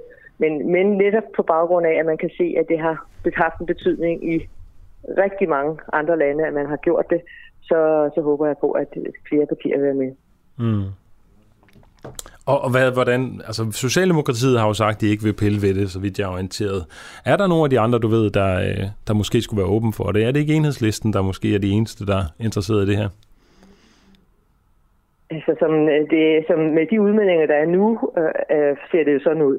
Mm. Men øh, dialog flytter jo flytter jo mennesker, og det, på den her måde, så tænker jeg også, at dialogen øh, med de andre partier og opmærksomheden på, hvor langt vi sakker ned på ligestilling på det her felt, der, der, der tænker jeg, at nogen vil give det en, en anden tanke og, og måske ændre indstilling til det. Så, så det jeg håber på, at vi har jo også lagt vægt på, at det her skulle være en midlertidig øh, ordning. Det kan være, at det gør det mere spiseligt for nogen, øh, mm. ud over det, at de ser, hvor, hvor, hvor skralt det står til i Danmark i forhold til andre lande. Og det, der kan jo ikke være nogen politisk interesse i, at vi er så langt nede på ranglisten i forhold til vores, ja, i forhold til andre lande, hvor man har kunne se, at det her har været en, en rigtig god idé. Hvor man har brugt kønskvoter til at, at få det øh, justeret? Ja, okay. netop, ikke? Hvad er det for nogle lande? Jamen, det er Tyskland, Portugal, øh, jeg mener også Spanien, øh, Norge er, ved du øh, selv også, ikke? Så, så det er bare de, øh, de lande, jeg lige nu kan huske. Øh, men Som har kønskvoter i øh, børsnoterede ja, ja. selskaber. Og er det kun ja. i bestyrelsen, eller er det også i ledelsen, eller hvordan? De her øh, kønskvoter skal igen? Umiddelbart, det, det er umiddelbart ved at referere til bestyrelser. Altså det, øh, i børsnoterede selskaber, ikke? Og det er også det, dit forslag går på? Det er det, forslaget går på, ja. Ja, at bestyrelse. Hvorfor tror du, der ikke kommer flere kvinder i bestyrelsen? Altså, argumentet mod det er jo altid, at, øh, at øh, vi tager de bedst kvalificerede, og, øh, og der, det var tilfældigvis flest mænd, der var det. Hvad, hvad, hvad vil du sige til det? Jamen, øh, det er jo meget netværk, og hvis netværket består af, af, af mænd, så, så, så bliver der ikke opmærksomhed på, hvilke kompetencer kvinder har man kan sige, at vi kan jo være, øh, skabe større opmærksomhed på de kvinder, der er interesseret i i bestyrelsesarbejde. Jeg var lige inde og kigge, der er nogle databaser, hvor der netop altså, er sådan et katalog af de kvinder, der, der er interesseret i bestyrelsesarbejde. Og det er ved at gøre mere opmærksom på dem, øh, kan der være, at der kommer flere, der står i de her uh, ja, databaser uh, med deres kompetencer, så det gør nemmere for, for bestyrelsen at rekruttere ind uh, i forhold til de, de behov, de har for, i deres bestyrelse. Fordi det handler jo om at sammensætte en bestyrelse med, med sammensatte kompetencer, både økonomisk, juridisk øh, og ja, viden uh, om den branche. Uh, og det kan nok gøres, uh, gøres bedre i forhold til, at, at dem, der sidder i bestyrelsen, bliver opmærksom på, hvor de kan rekruttere kvinder med, med de relevante kompetencer. Fordi mm. det er jo vigtigt for bestyrelserne og for mig, at, at det er mennesker, som har uh, stærke kompetencer, fordi at bestyrelsen skal jo supplere virksomheden i forhold til det strategiske arbejde med udvikling af virksomheden. Så det er jo afgørende vigtigt, at bestyrelsen ja, har stærke kompetencer for, for udvikling af virksomheden. Ikke? Mm. Vi har fået en sms fra Gustav Vingtoff, som skriver, øh, at han har arbejdet i en bestyrelsesrekrutteringsplatform, hvor rekrutteringen foregik via åbne opslag på demokratisk vis. Måske er det mm. løsningen. Øh, tallene taler for det, skriver han. Jamen, øh, jeg er meget åben over for de erfaringer og idéer, der er på, og hvordan man kan rekruttere flere kvinder ind i, i det bestyrelsesarbejde. Mm. Og man kan sige, hvis man øh, grundlæggende mener, at kvinder er lige så kompetente som mænd, øh, og det tænker jeg, der, der er en bred udbredt forstå- opfattelse af i Danmark, jamen så er der jo et eller andet galt, siden der er kun 23,9 procent øh, af, af kvinderne i, øh, i bestyrelser i børsnoterede selskaber. Men, det man, man ser jo mange gange, at det er de samme mennesker, der er i flere bestyrelser, så, så det er at ja, få udvidet det, uh, det antal mennesker, der er, så man på den måde kan sige, at man man får en bredere vifte, og det ikke er de samme, der går igen og igen og igen, øh, fordi at, ja, det, det, det ved man, det er det, det sikre valg. Øh, det, der tænker jeg, at, at der vil, der vil, hvis der er flere, der indtræder i bestyrelsen, vil være en bredere vifte af kompetencer at, at rekruttere ud fra. Ikke? Mm. Vi har fået en anden sms fra en lytter, der hedder Daniel, som skriver, at øh, du siger, at det har været en succes i andre lande. Hvad måler du den her succes på? Øh, har det påviseligt haft positiv indflydelse på virksomhederne, eller hvordan definerer du succes? Ja, succes forstås i den her sammenhæng som ligestilling, altså ligestilling mellem kønnene. Så kan man sige, betyder det noget for bundlinjen? Det, kan man, det har der været andre undersøgelser, der refererer til, at kvinder i i ledelse, det har, en, det har en positiv øh, betydning for bundlinjen. Så man, det er jo ikke så simpelt øh, at bare kunne sige, for mig handler succeskriterier i den her sammenhæng om, at der er øget ligestilling. Mm.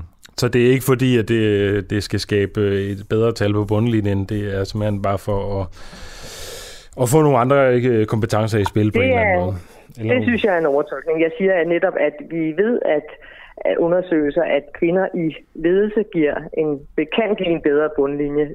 Det er jo ikke så simpelt, øh, fordi det kan også være det modsatte, men det har er i hvert fald undersøgelser, der viser, at kvinder i ledelse øh, kan give en bedre bundlinje. Og der tænker jeg også, at kvinder i bestyrelser vil på samme måde også kunne øh, give nogle andre perspektiver på, øh, fordi at der er en forskellighed, og det kan medføre en, en bedre bundlinje, ja. Det er godt at høre. Vi har fået en anden sms fra Charlotte Sachs Bostrup, der skriver, når vi taler om kønskvoter, så er det virkelig sjovt, at man altid spørger kvinder, hvordan vil du have det med at tage et job, som du fik, fordi du er kvinde? Har man nogensinde spurgt mænd, hvordan de vil have det med, øh, med at få et job, fordi de, kun, fordi de var mænd? Ja, god pointe. Det kan der jo være en pointe i i hvert fald. Det spørger man i hvert fald ja. sjældent øh, mænd om. Ja. Øhm, vi godt. har vant til at spørge kvinder om øh, ja, både børn og familie i en langt højere grad, end vi har øh, at spørge mænd. Ikke? Og på den måde, så tænker jeg også, der, der er noget, der viser sig også her i forhold til netop rekruttering, eller kvot, kvoter, at der vil man forholde sig helt anderledes i forhold til kvinder end i forhold til mænd. Ikke? Ja. Tak fordi du var med her til morgen, Christina Thorholm, medlem af Folketingets ligestillingsudvalg for de radikale. Tak for det. Godmorgen til dig. Hej, hej. Du lytter lige nu til en uafhængig morgen. Så hvad handler det her Kritisk, om uh, Hviderusland? nysgerrig det, og levende radio, som politikerne ikke kan lukke. Vi sender live alle hverdage fra klokken 7 til 9. Lyt med via vores app på DK4 DAB, fra vores Facebook-side, eller hvis du bor i hovedstadsområdet, på FM-båndet 102,9. Er det lige?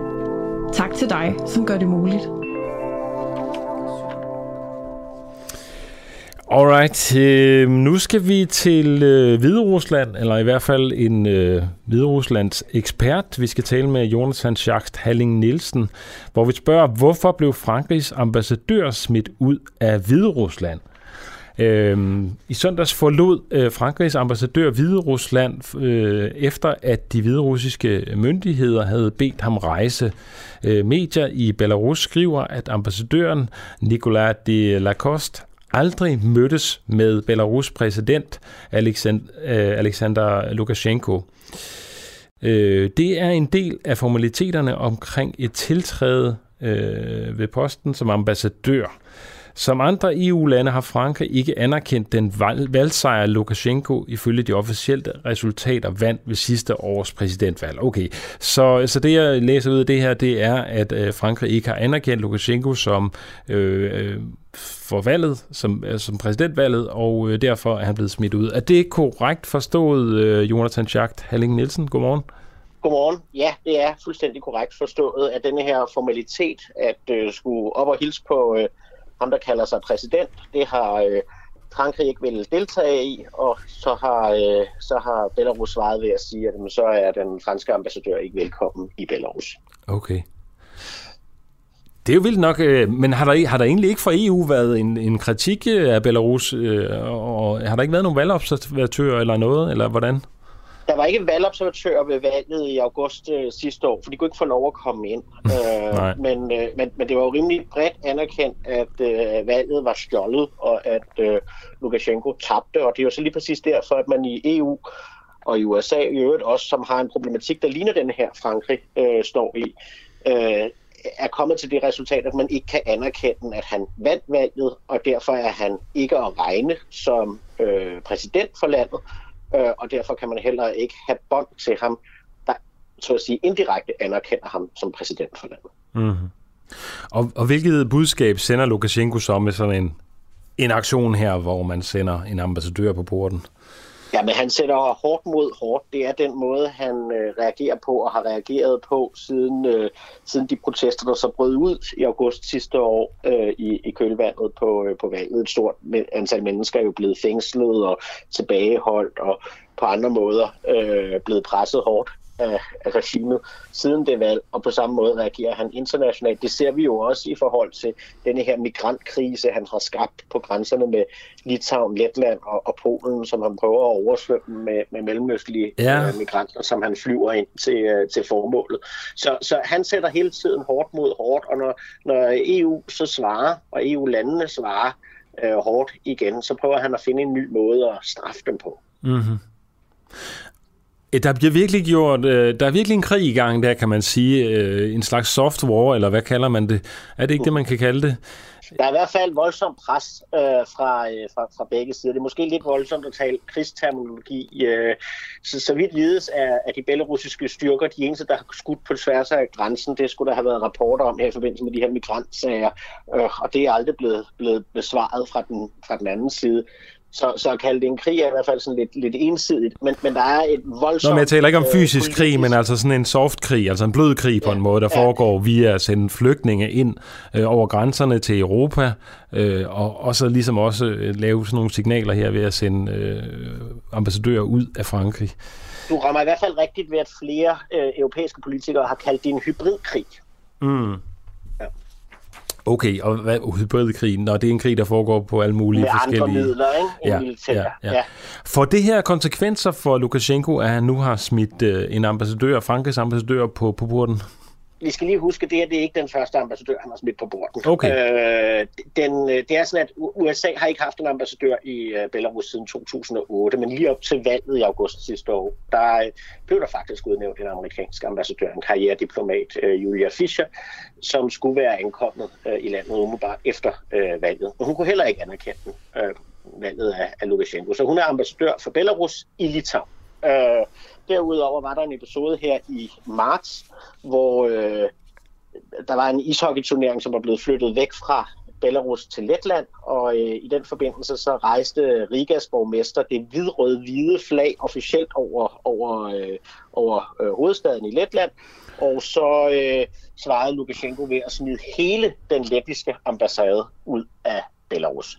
Så, øh, så, så man kan sige, at det der med at gå hårdt efter ambassadører øh, og, og øh, diplomatiske repræsentationer er ikke noget nyt. Mm. Jeg tror, at den konsekvens, det får, er, at det får EU til at stå endnu stærkere sammen. Man, øh, man øh, snakker i øjeblikket om næste sanktionspakke i forhold til, til Belarus, hvor man vil ramme det belarusiske flyselskab Belavia øh, endnu hårdere end tilfældet er i, i forvejen, fordi det er dem, der jo først øh, medvirkede til, til ham her, Roman Pratasevich, der blev taget af et fly for måneder tilbage, som, som nogle lyttere måske kan, kan huske, under stor dramatik, og så siden mm. han er blevet brugt til at fragte de her øh, flygtninge til Belarus, så de kunne, kunne flygte ind i Europa. Så man vil nok, øh, det her det vil nok øge sandsynligheden for, at EU-kredsen bliver enige om, at, øh, at, at nu kommer der den her yderligere sanktion mod øh, det belarusiske statslige flyselskab. Alright. Det bliver spændende at følge. Tusind tak, fordi du var med her til morgen, øh, ja, Jonathan Schacht Henning Nielsen. Hej. Hej, hej. Du lytter til Den Uafhængige. Danmarks måske mest kritiske, nysgerrige og levende taleradio, som politikerne ikke kan lukke. Mere end 3.000 medlemmer støtter os allerede, og jo flere vi er, jo mere og jo bedre journalistik kan vi sende ud til dig. Se hvordan du kan støtte os. Gå ind på duah.dk. Spørgsmålet er, hvad der venter de hjemvendte syrier, altså de der syriske flygtninge, som er vendt tilbage til deres øh, krigshærede land, er angiveligt blevet udsat for tortur, vilkårlige anholdelser og drab. Det konkluderer organisationen Human Rights Watch onsdags. Øh, en ny rapport med titlen Vores liv er som døden syriske flygtninge vender hjem fra Libanon, og Jordan fortæller om grove overgreb begået af regeringsstyrker mod 65 hjemvendte syre og deres familiemedlemmer mellem 2017 og 2021. Godmorgen, Lisa Blinkenberg. Du er seniorrådgiver hos Amnesty International. Godmorgen. Hvad står der i den rapport? Ja, jeg vil skynde mig at sige, at jeg ikke har læst hele rapporten, fordi den er udkommet her for en time eller to siden. Øh, wow, vi er simpelthen breaking her, ja. ja, jeg har læst uddrag af den, øh, og det, den siger, det er jo, at øh, det stadigvæk er øh, meget farligt at vende tilbage til Syrien. Altså Syrien er ikke sikkert, og derfor skal øh, alle lande stoppe med, med tilbagesendelser, men også med at stoppe med at lægge pres på syrere, så de vender tilbage frivilligt. Øh, fordi det, der sker, det er jo, at, øh, at de kan blive udsat for vilkårlige arrestationer og ulovlige fængslinger, øh, tortur. Øh, det er dokumenteret, at, at folk har fået stød, og nogen er døde af det. Øh, Øh, nogle er blevet henrettet, andre er blevet kidnappet og er forsvundet.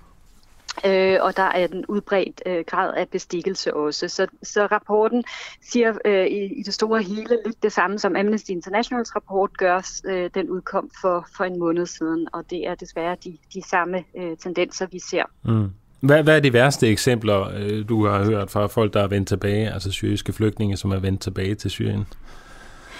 Vi taler om meget alvorlige øh, menneskeretlige overgreb, og som vi skrev i vores rapport, øh, så var der piger helt ned til femårsalderen, øh, der var blevet voldtaget.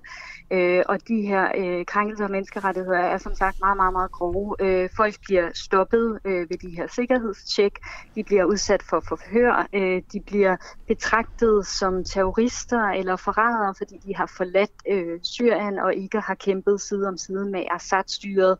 Øh, og derfor kan de blive udsat for alle mulige grove overgreb som tortur, altså netop øh, elektriske stød, øh, slag. Øh, de skal øh, tvinges til at underskrive nogle tilståelser, øh, de ikke har begået. Så der er rigtig mange grove overgreb, som, som den her rapport også skildrer frem. Okay. Og jeg går ud fra, at den her rapport, den skal så vel sendes til, øh, til politikerne, til regeringen, og øh, hvad, hvad tænker du bliver resultatet af det? Tror du, det ændrer noget som helst? Altså, vi, vi, vi håber jo, at, at der kommer til at ske nogle ændringer, fordi vi ved øh, lige nu, at der står 151 syre i, i en udsendelsesposition. Øh, vi ved også, at 90 øh, syre har fået inddraget deres opholdstilladelser, eller har ikke fået fornyet deres opholdstilladelser, og at de faktisk allerede i svaret i første instans, altså Udlændingsstyrelsen, får et brev om, at de skal udrejse af Danmark, selvom Danmark heldigvis ikke udviser med tvang, men, men så øh, bliver der lagt et øh, stort pres på, at syrerne øh, vender tilbage frivilligt. Og der siger øh, Amnesty og jo nu også Human Rights Watch, at, at øh, de, øh, lande, andre lande skal ikke lægge et, et øh, så stort pres på syrerne for, at de vender tilbage. Øh, Human Rights Watch har undersøgt øh, og, og lavet de her interviews med 65 personer, øh, som er vendt frivilligt øh, tilbage fra Libanon og Jordan, men det er de, fordi 90 procent af alle syre i Libanon, de lever i ekstrem fattigdom. Så derfor okay. har de følt sig tvunget til at vende tilbage. Ja. Alright. Jamen, øh, det bliver spændende at se, om der sker nogen ændring øh, i holdningen til, til hjemsendelse af syrerne, nu når der er kommet den her øh, rapport, øh, som konkluderer, at, så, at øh, der er mange syre, der bliver udsat for voldsomme overgreb, når de kommer hjem. Tak fordi du var med her til morgen, Lisa Blinkenberg, seniorrådgiver hos Amnesty International. Selv tak. Ja, vi skal til at stoppe den her uafhængige morgen. Øh, mit navn er Adam Dreves, og i ude af regien sidder Nikolaj Jul og Clara Vind. Øh, vi er tilbage igen i morgen, øh, også med mig ved roret. Og øh, ja, der er ikke andet tilbage end at sige at have en fantastisk morgen derude. Og husk at gå ind og støtte os på øh, dua.dk og blive medlem af det her fantastiske initiativ. Alt godt derude, og have en fortsat god dag.